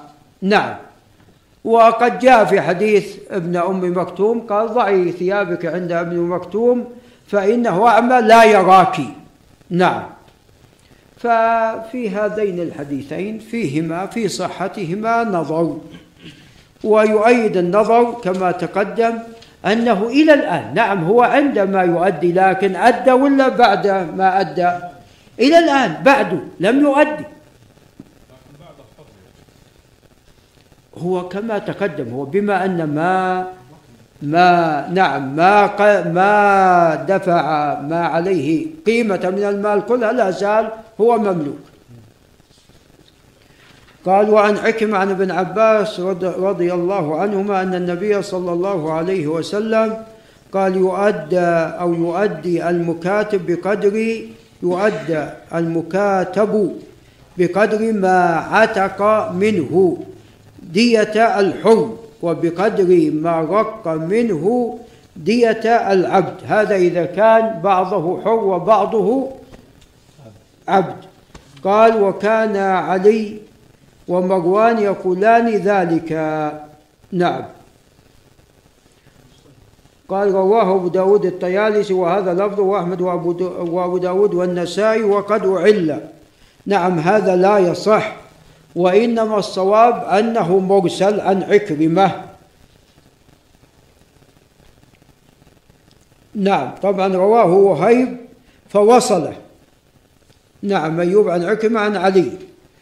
وأما حماد بن زيد فأرسله. وأما إسماعيل بن علية فجعله من قول عكرمة. نعم.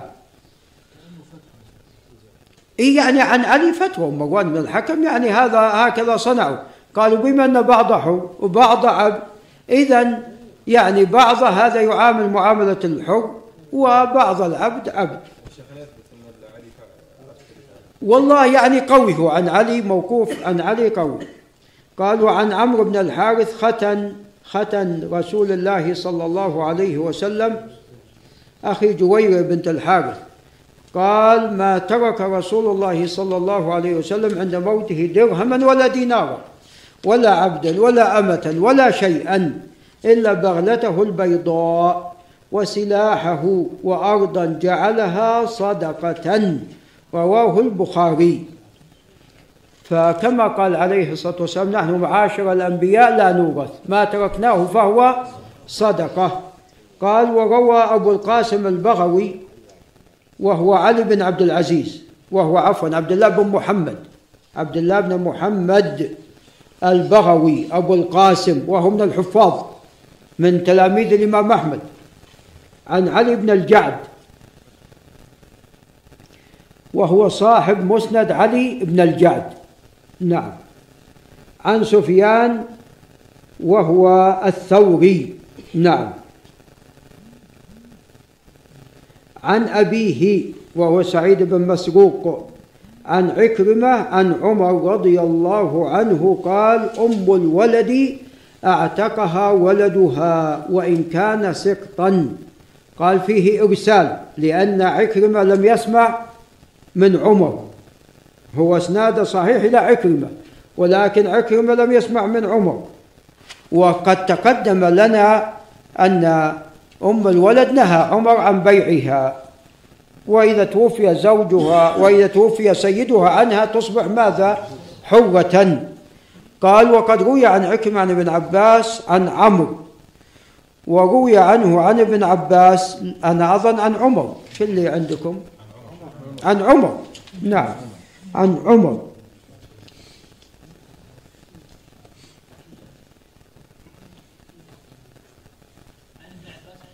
عن عمر. قال وروي عنه عن ابن عباس مرفوعا والله أعلم. لا هو عن عمر هو عن عمر. وفيه إرسال الصواب الإسناد الأول الذي تقدم وأنه مرسل. هذا هو الصواب. اي إيه نعم قلنا الصواب الإسناد الأول. الصواب الإسناد الأول. نعم.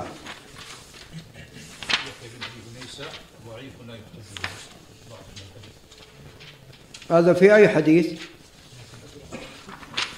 اي معد كاتب على 100 كثير نعم. اي نعم اذا هذا غير صحيح. نعم في قول العلي بن ابي طالب قال استشارني عمر في خلاف قال استشارني في هذا الامر وشرطه بس ورجع فيه آه، غير الحكم قال انها تباع خلافة علي. قال إن عمر استشارني في خلافة. نعم هذا قد تقدم هذا قد تقدم فيما يتعلق بأمهات الأولاد. اتفق علي مع عمر على أنها تعتق بعد وفاة وليها بعد وفاة سيدها. ثم عمر رجع عن ذلك فقال له عبيد بن عمرو السلماني قولك مع الجماعة أولى. يقول لعلي قولك مع الجماعة أولى من قولك لوحدك. ولذا أكثر الصحابة نقل عنهم أنهم يرون رأي عمر. وتقدم حديث جابر في هذه المسألة. نعم.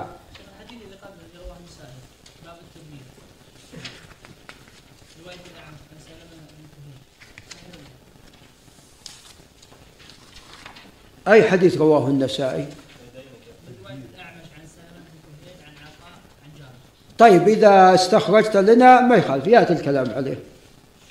نعم. والله يا أخوان الآن بقي علينا ترى عدد كبير. نعم. قال باب أحكام النكاح. نعم. قال عن علقمة قال كنت أمشي مع عبد الله بمنى فلقيه عثمان فقام معه يحدثه. فضل فقال له عثمان يا أبا عبد الرحمن. نعم. أي ابن مسعود. ألا نزوجك امرأة شابة لعلها تذكرك بعض ما مضى من زمانك.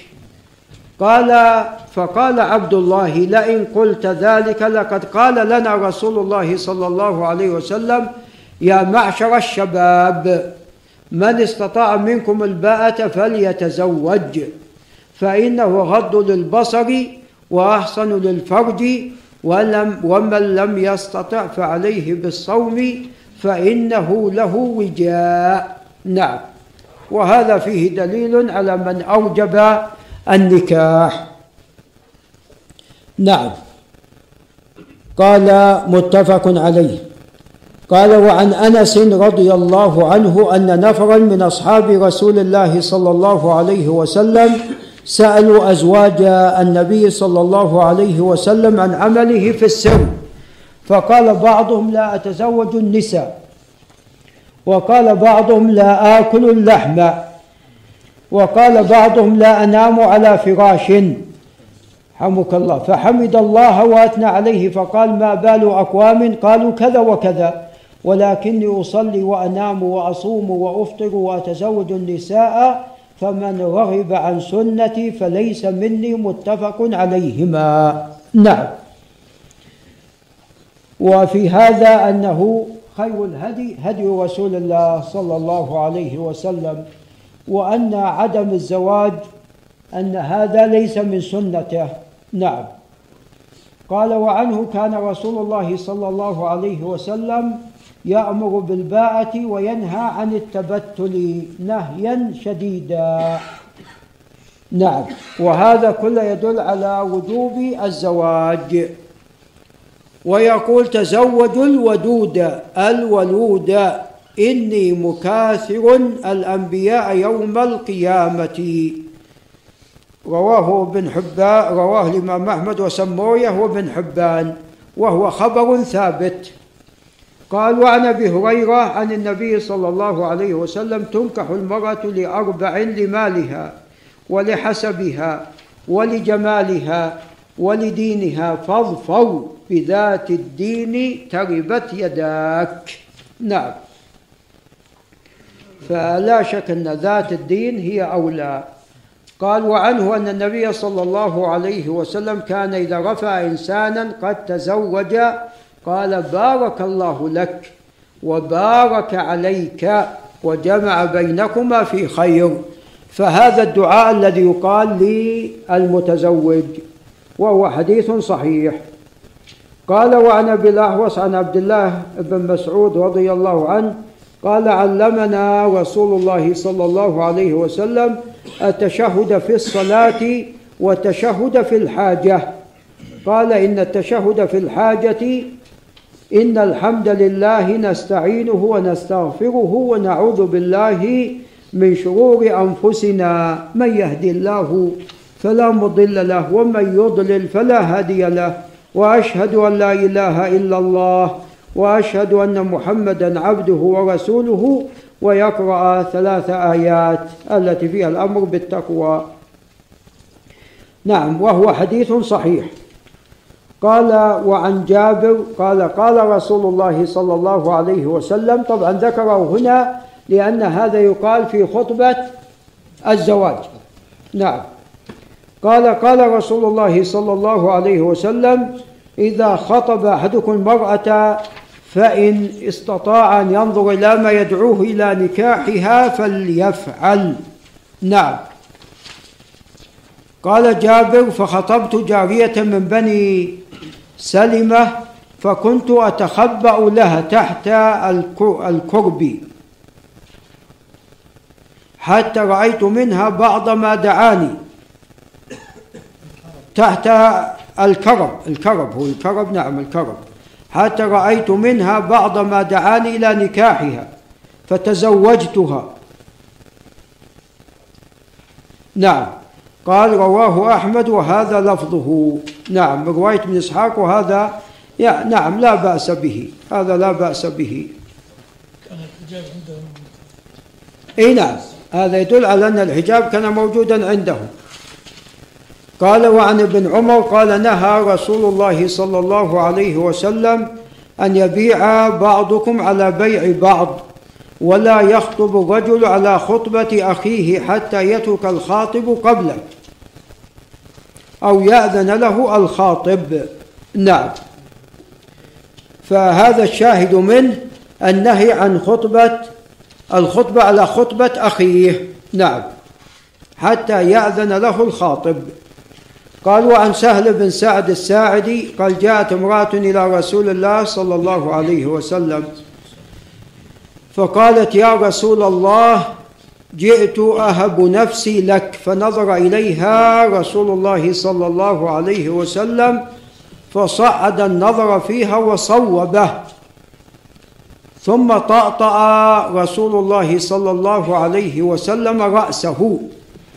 هناك من استدل بهذا الحديث أن هذه المرأة كانت كاشفة عن وجهها وهذا غير صحيح هذا غير صحيح. ولذا الذين يستدلون بكشف الوجه إنما يستدلون بنصوص محتملة مثل قصة المرأة الخثعمية. ليس في رواية من الروايات كانت كاشفة وإنما في رواية عند البخاري كانت وضيئة. نعم. سفعاء الوجه نعم أيضا من الأحاديث المحتملة. فهذه السفعة قد تكون عبارة عن كبر في السن وهو غالبا السفعة شحوب يكون في الوجه. نعم يكون هناك يعني نقاط في وجهها بسبب الشحوب الذي يكون في وجهها. نعم فهذه إذا امرأة كبيرة أو يقال أن هذه المرأة أثبت أولا أن ذلك كان بعد نزول ماذا؟ بعد نزول الحجاب. فهم يستدلون بأدلة فيها احتمالات. طيب يا شيخ الحديث كان شيخ في حجة الوداع. أنا ما أنا ما قلت شيخ. أنا ما قلت أنا ما قلت في حجة الوداع. أنا من قلت يا أخوان؟ أي حديث؟ حديث حديث الخثعمية قلت أنا ولا حديث أفعال الخدين؟ حديث أفعال الخدين. أنا ما قلت في اللي في حجة الوداع. قلت الخثعمية ما فيها إنما في رواية كانت وضيئة. فهو محتمل. ما في أنها كانت كاشفة. والأقرب أنها ليست بكاشفة. الأقرب أنها ليست بكاشفة لأدلة لكن أبغي من هذا الدليل. عندنا أدلة لكن أقصد من هذا الدليل.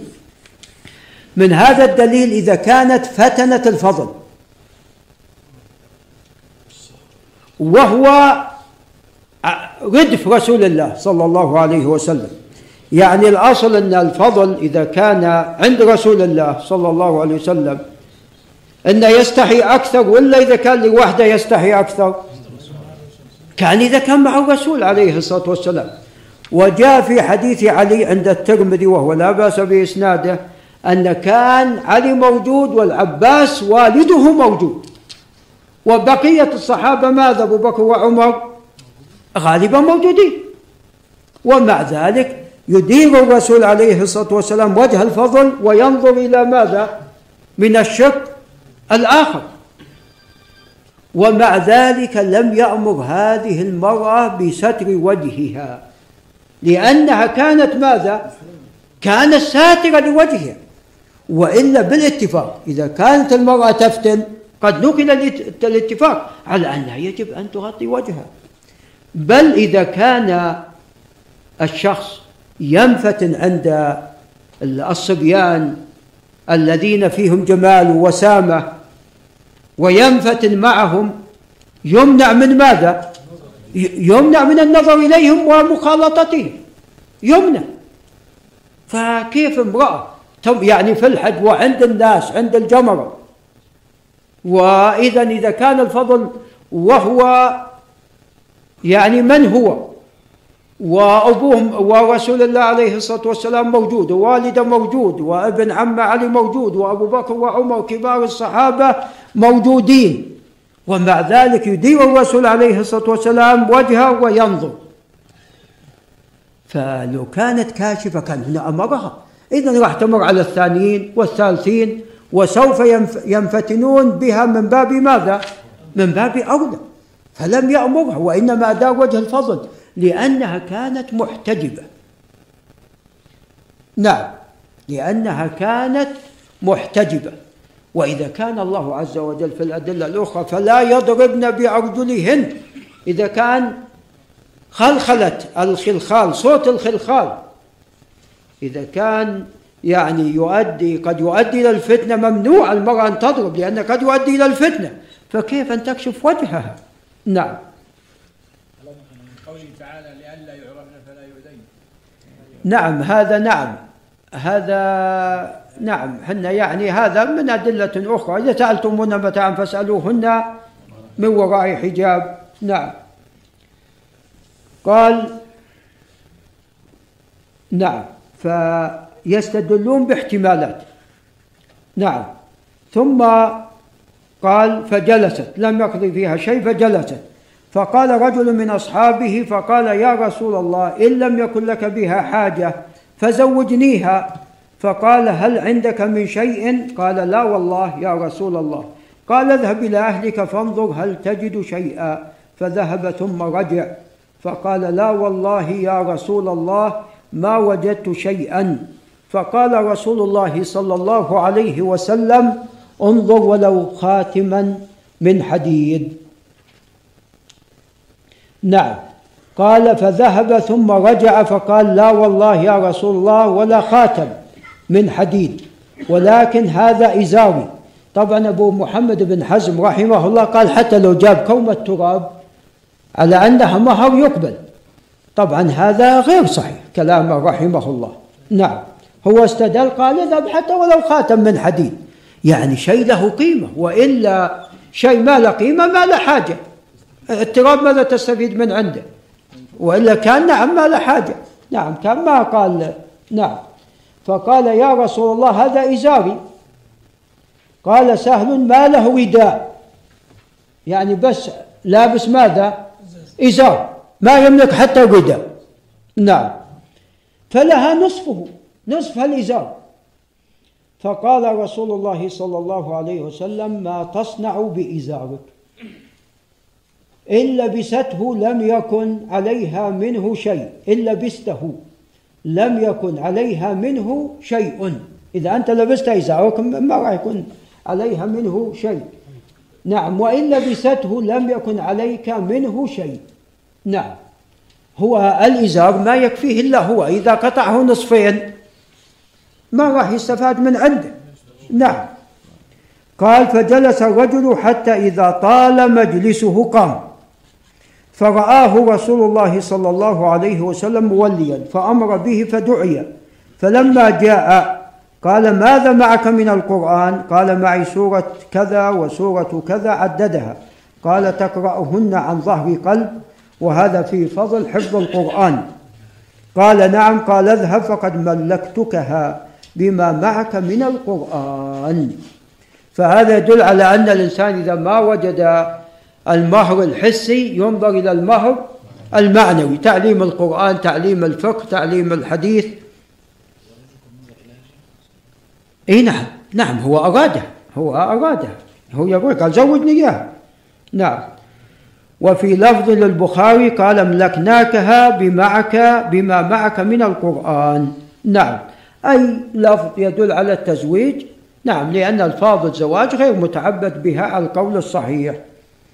قال وعن عبد الله القرشي عن عامر بن عبد الله بن الزبير عن أبيه أن رسول الله صلى الله عليه وسلم قال أعلنوا النكاح رواه الإمام أحمد والطبراني والحاكم وقال صحيح الإسناد وهذا فيه ضعف لكن إعلان النكاح قد يعني الأخبار يقوي بعضها بعضا في إعلان النكاح.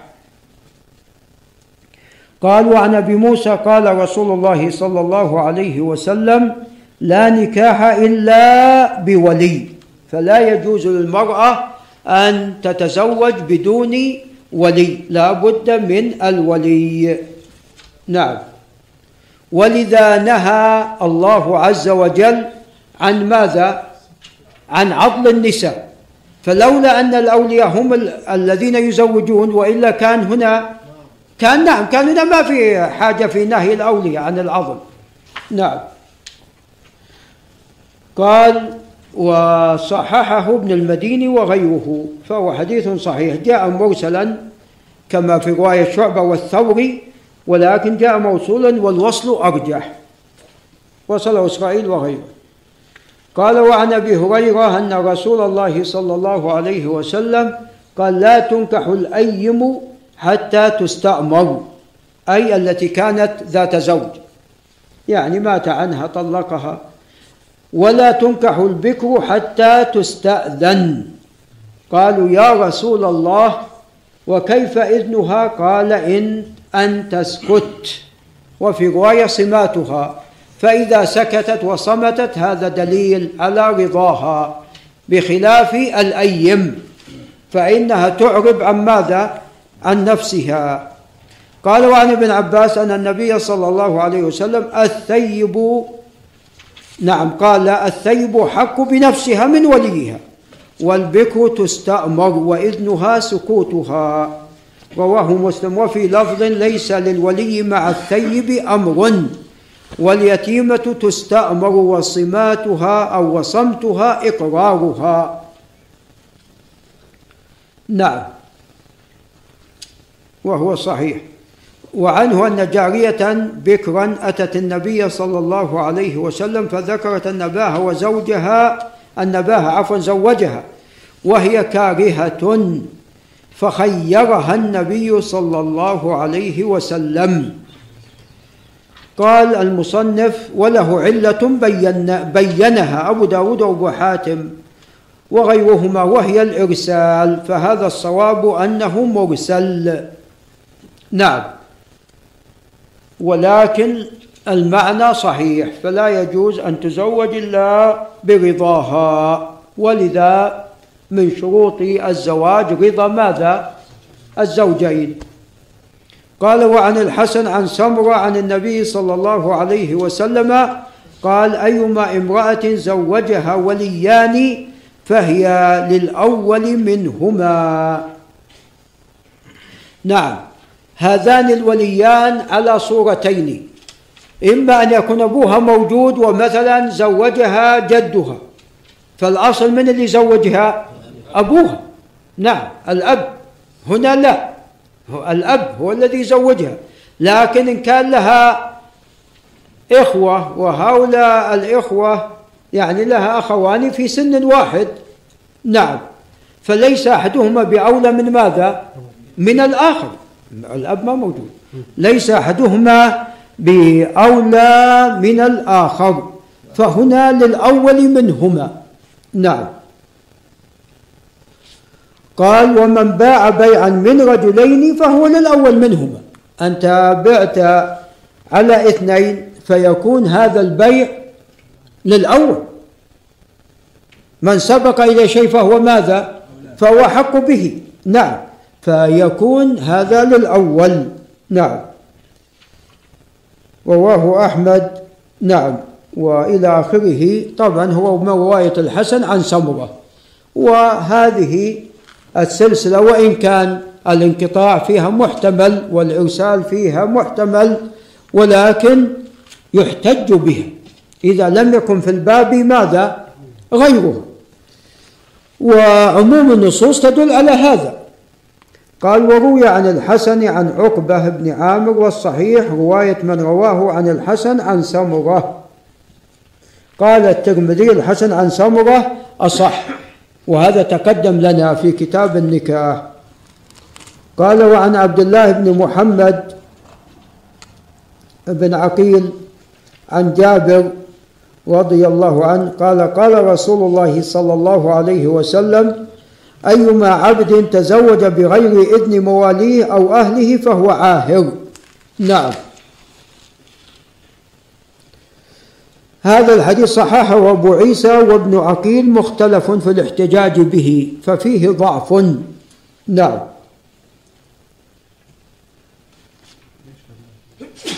نعم. حمك الله. ولكن الأصل أن المملوك يستأذن من ماذا؟ من سيده. نعم.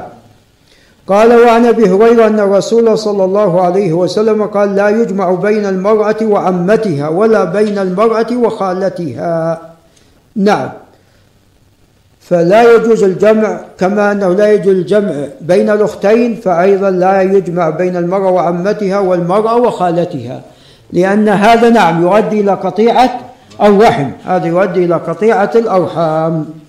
نعم. لما يحصل بين الضرتين قال وعنه قال نهى رسول الله صلى الله عليه وسلم عن الشغار والشغار أن يقول رجل زوجني ابنتك وأزوجك ابنتي وزوجني أختك وأزوجك أختي رواه مسلم. نعم لا يجوز الشغار وهو يكون وهو عندما يكون البضع مقابل البضع. نعم يزوجه أخته على أن يزوجه الثاني أخته. يعني نظر إلى مصلحة نفسه ولم ينظر إلى مصلحة نعم أخته. وأما إذا كان برضاهما ودفع ودفع مهرا نعم يناسب كلا المرأتين ورضيتا بذلك. فهذا نعم حق ليس بشغار يكون عندئذ قال وعن ابن عباس قال تزوج رسول الله صلى الله عليه وسلم ميمونة وهو محرم. متفق عليه. نعم. وهذا طبعا مما أخطأ فيه ابن عباس. نعم رضي الله عنه. والصواب ما جاء في حديث يزيد بن الأصم قال حدثتني ميمونة بنت الحارث وهي التي تزوج بها. أن رسول الله صلى الله عليه وسلم تزوجها وهي حلال. قال وكانت خالتي أي خالة يزيد بن الأصم وخالة ابن عباس رواه مسلم. قال وعن عقبة بن عامر قال عليه الصلاة والسلام إن حق الشرط أن يوفى به ما استحللتم به الفروج متفق عليه واللفظ لمسلم. الشروط. نعم. نعم. ما استحللتم به الفروج متفق عليه واللفظ لمسلم. فإذا اشترط أهل إذا اشترطت المرأة شروطا على الزوج. نعم. ووافق. فهنا يكون قد استحل ماذا؟ فرجها بهذه الشروط. فأحق ما يوفى به هذه الشروط. نعم عليك أن تفي بهذه الشروط لهذه المرأة. نعم. حتى ولو قالت أنك لا تتزوج علي فهنا إذا أردت أن تتزوج فهنا تخيرها. إما أن ترضى وإما خلاص أن تسرحها. قال وعن سلمة بن الأكوع قال رخص رسول الله صلى الله عليه وسلم عام أوطاس في المتعة ثلاثة أيام ثم نهى عنها. فالمتعة كانت مباحة ثم حرمت ثم أبيحت ثم حرمت فهي حرام إلى قيام الساعة. نعم. قال وعن عمرو بن شعيب نعم قال وعن ابن مسعود رضي الله عنه قال لعن رسول الله صلى الله عليه وسلم المحل والمحلل له. رواه أحمد والنسائي والترمذي وصححه. نعم هذا جاء من طرق بعضه يقوي البعض الآخر. فنكاح التحليل لا يجوز. وهو عندما يطلق الإنسان امرأة ويأتي شخص يقول أنا بتزوجها حتى أحلها لزوجها بزعمه. لو تزوجها عشرة غير ما حلت. لزوجها إذا كان نيتهم ماذا؟ التحليل. نعم هو جاء هذا في الحديث. نعم. ولذا نعم. وقد ألف الإمام بن تيمية كتابا كبيرا في ذلك. نعم.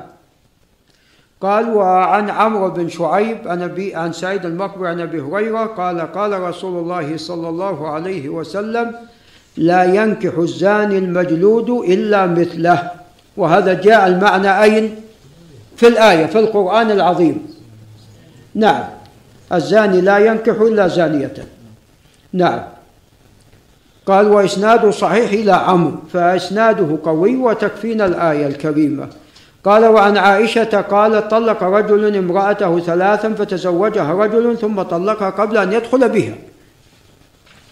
فأراد زوجها الأول أن يتزوجها فسئل رسول الله صلى الله عليه وسلم عن ذلك فقال لا حتى يذوق الآخر من عسيلتها ما ذاق الأول. نعم لا بد أن يدخل بها فإذا دخل بها ثم بدا له أن يطلقها وطلقها يحق للأول أن يراجعها يرجع إليها يتزوج بها. قال باب الخيار في النكاح وذكر نكاح الكفار. أي تفضل عندما يخير الإنسان زوجته في البقاء عنده أو في الطلاق.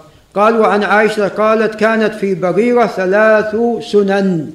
خيرت على زوجها حين عتقت. نعم. فاختارت نفسها. نعم. ولم توافق أن ترجع إلى زوجها. كان مملوكا وهي أصبحت حرة. نعم أعتقت فلم ترد زوجها. قال وهدي لها لحم فدخل علي رسول الله صلى الله عليه وسلم والبرمة على النار. فدعا بطعام فأتي بخبز وأدم من أدم البيت. فقال ألم أرى البرمة على النار فيها لحم؟ فقالوا بلى يا رسول الله لحم تصدق به على بريرة. فكرهنا أن نطعمك. يعني أنت ما تأكل الصدقة. فقال عليه الصلاة والسلام هو عليها صدقة. وهو منها لنا هدية. نعم. فإذا تصدق على شخص ثم أهدى منه نعم لشخص من آل البيت فهنا نعم يأكل. قال وقال النبي صلى الله عليه وسلم فيها قالت وقال النبي صلى الله عليه وسلم فيها إنما الولاء لمن أعتق. نعم متفق عليه. وتقدم لنا قصة قصة نعم بريرة في نعم في عتقها. قال وله عن يزيد بن رومان عن عروة عن عائشة قالت كان زوج بريرة عبدا وعن الأسود عن عائشة وله لمسلم. وعن الأسود عن عائشة قالت كان قالت كان زوج بريرة حرا هذا خطأ من الأسود. خطأ من الأسود. فخيرها رسول الله صلى الله عليه وسلم. رواه أحمد وفلان وفلان والترمذي وقال هذا حديث حسن صحيح. قال إبراهيم بن أبي طالب وهو من الحفاظ. خالف الأسود بن يزيد الناس في زوج بريرة قال إنه حر وقال الناس إنه كان عبدا فهو خطأ منه.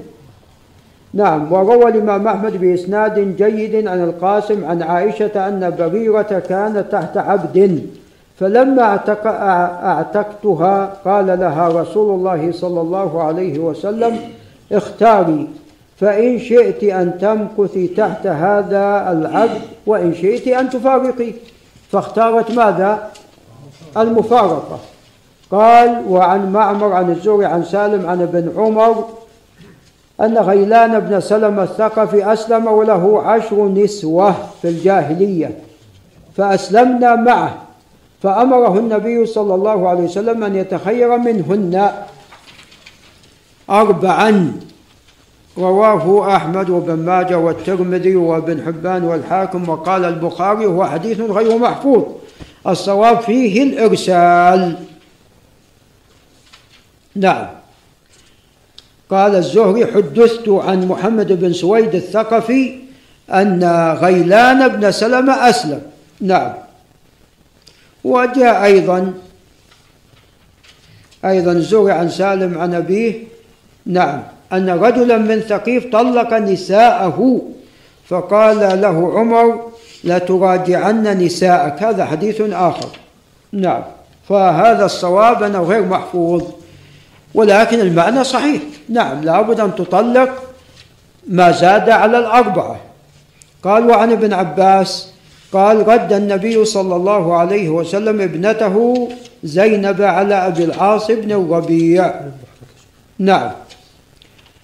قال وعن الضحاك بن فيروز الديلمي عن أبي قلت يا رسول الله إني أسلمت وتحتي أختان لا يجوز الجمع بين الأختين. فقال عليه الصلاة والسلام طلق. أيتهما شئت؟ نعم. قال رواه أحمد وأبو داود وابن ماجه والترمذي وحسنه وابن حبان والدار قطني وصححه البيهقي وتكلم فيه البخاري. نعم. فهو لا يصح. نعم. والعقيلي أيضا تكلم فيه.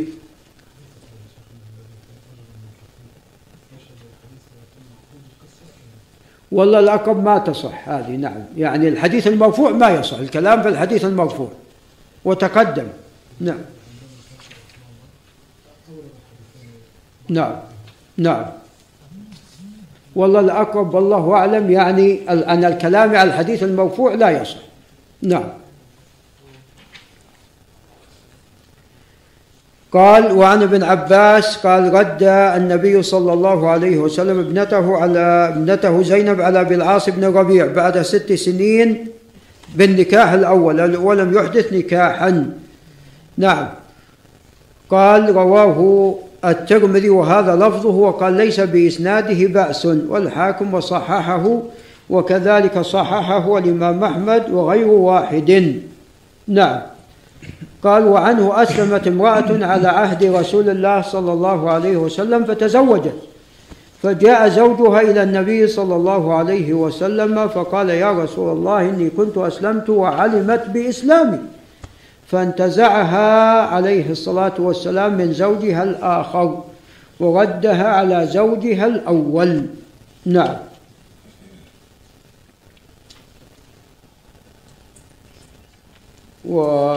وصححه ابن حبان ولا بأس بإسناده. اللي قبله تقدم تقدم أن صحح الإمام أحمد وغيره. نعم.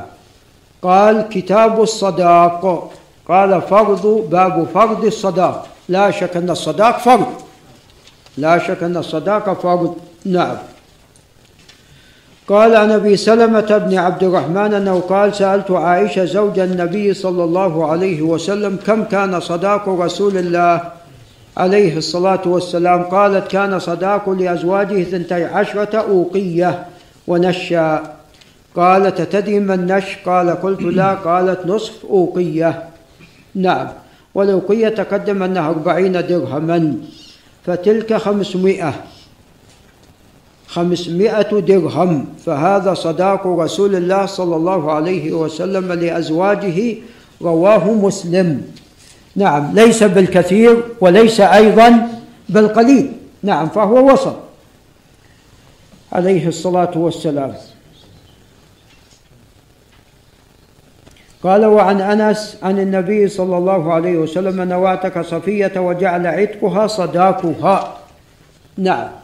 فيصح أن الإنسان يعتق مملوكة ويجعل عتقها صداقها يتزوج بها ويجعل هذا العتق هو الصداق. قال وعن أيوب عن عكرمة عن ابن عباس قال لما تزوج علي فاطمة رضي الله عنها قال عليه الصلاة والسلام أعطيها شيئا. قال ما عندي شيء. قال فأين درعك الحطمية؟ نعم. قال وإسناده صحيح. نعم. فدرعة كانت هي المهر قال وعن ابن جريج عن عمرو بن شعيب عن أبيه عن جده قال قال رسول الله صلى الله عليه وسلم أيما امرأة نكحت على صداق أو حباء أو عدة قبل عصمة النكاح فهو لها وما بعد عصمة النكاح فهو لمن أعطيه وحق ما أكرم عليه الرجل ابنته أو أخته. نعم وهذا لا يصح.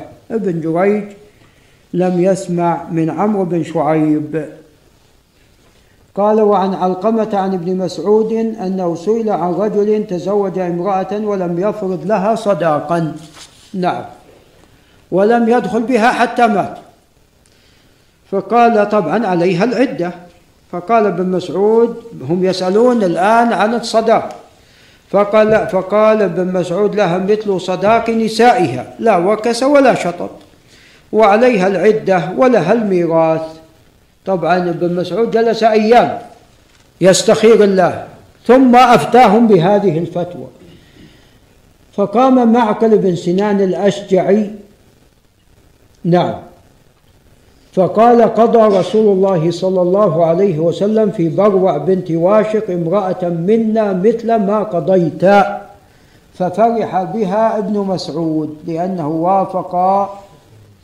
نعم فتوى ما جاء عن رسول الله صلى الله عليه وسلم وهو حديث صحيح. نعم.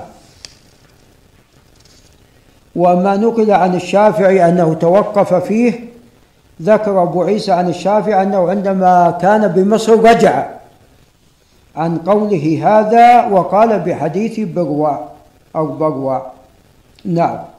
قال باب الوليمة. قال عن أنس بن مالك أن النبي صلى الله عليه وسلم رأى على عبد الرحمن بن عوف أثر صفرة. قال ما هذا؟ يا قال يا رسول الله إني تزوجت امرأة. صفرة الأصل أن هذا من من النساء هذا من النساء. وأما الرجال فمنهيين عن التزعفر فقال إني تزوجت امرأة على وزن نواة من ذهب. فقال فبارك الله لك أولم ولو بشاة. وكان عبد الرحمن غني فلذا قال له أولم حتى ولو بشاة. متفق عليه واللفظ لمسلم. وعن ابن عمر قال قال رسول الله صلى الله عليه وسلم إذا دعي أحدكم إلى وليمة فليأتها. نعم متفق عليه والراجح أن هذا واجب. ولمسلم إذا دعا أحدكم أخاه فليجب عرسا كان أو نحوه. وعن أبي هريرة أن النبي صلى الله عليه وسلم قال شر الطعام طعام الوليمة. يمنعها من يأتيها ويدعى إليه من يأباها. نعم يعني يمنع منها قد يكون الفقير المحتاج. ومن يأباها الغني. نعم. ولم ومن لم يجب الدعوة فقد عصى الله عصى الله ورسوله. نعم. قال وعنه قال قال رسول الله صلى الله عليه وسلم إذا دعي أحدكم فليجب. فإن كان صائما فليصلي يعني يدعو. وإن كان مفطرا فليطعم. نعم. يعني كونك صائم لا يمنع من إجابة الدعوة. فأنت اذهب ودع وعن جابر قال قال رسول الله صلى الله عليه وسلم إذا دعي أحدكم إلى طعام فليجب. فإن شاء طعم وإن شاء ترك. نعم. يجيب ونعم إذا أفطر الأمر إليه. نعم. قال إذا دعي أحدكم إلى طعام فليجب فإن شاء طعم وإن شاء ترك.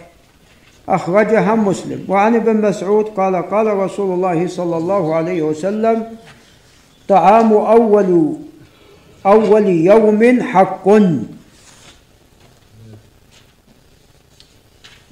نعم.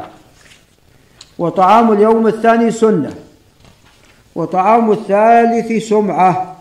ومن سمع سمع الله به. هذا لا يصح. هذا حديث ضعيف ولا يصح. نعم. ولعل نقف عند هنا. هذا بالله تعالى التوفيق.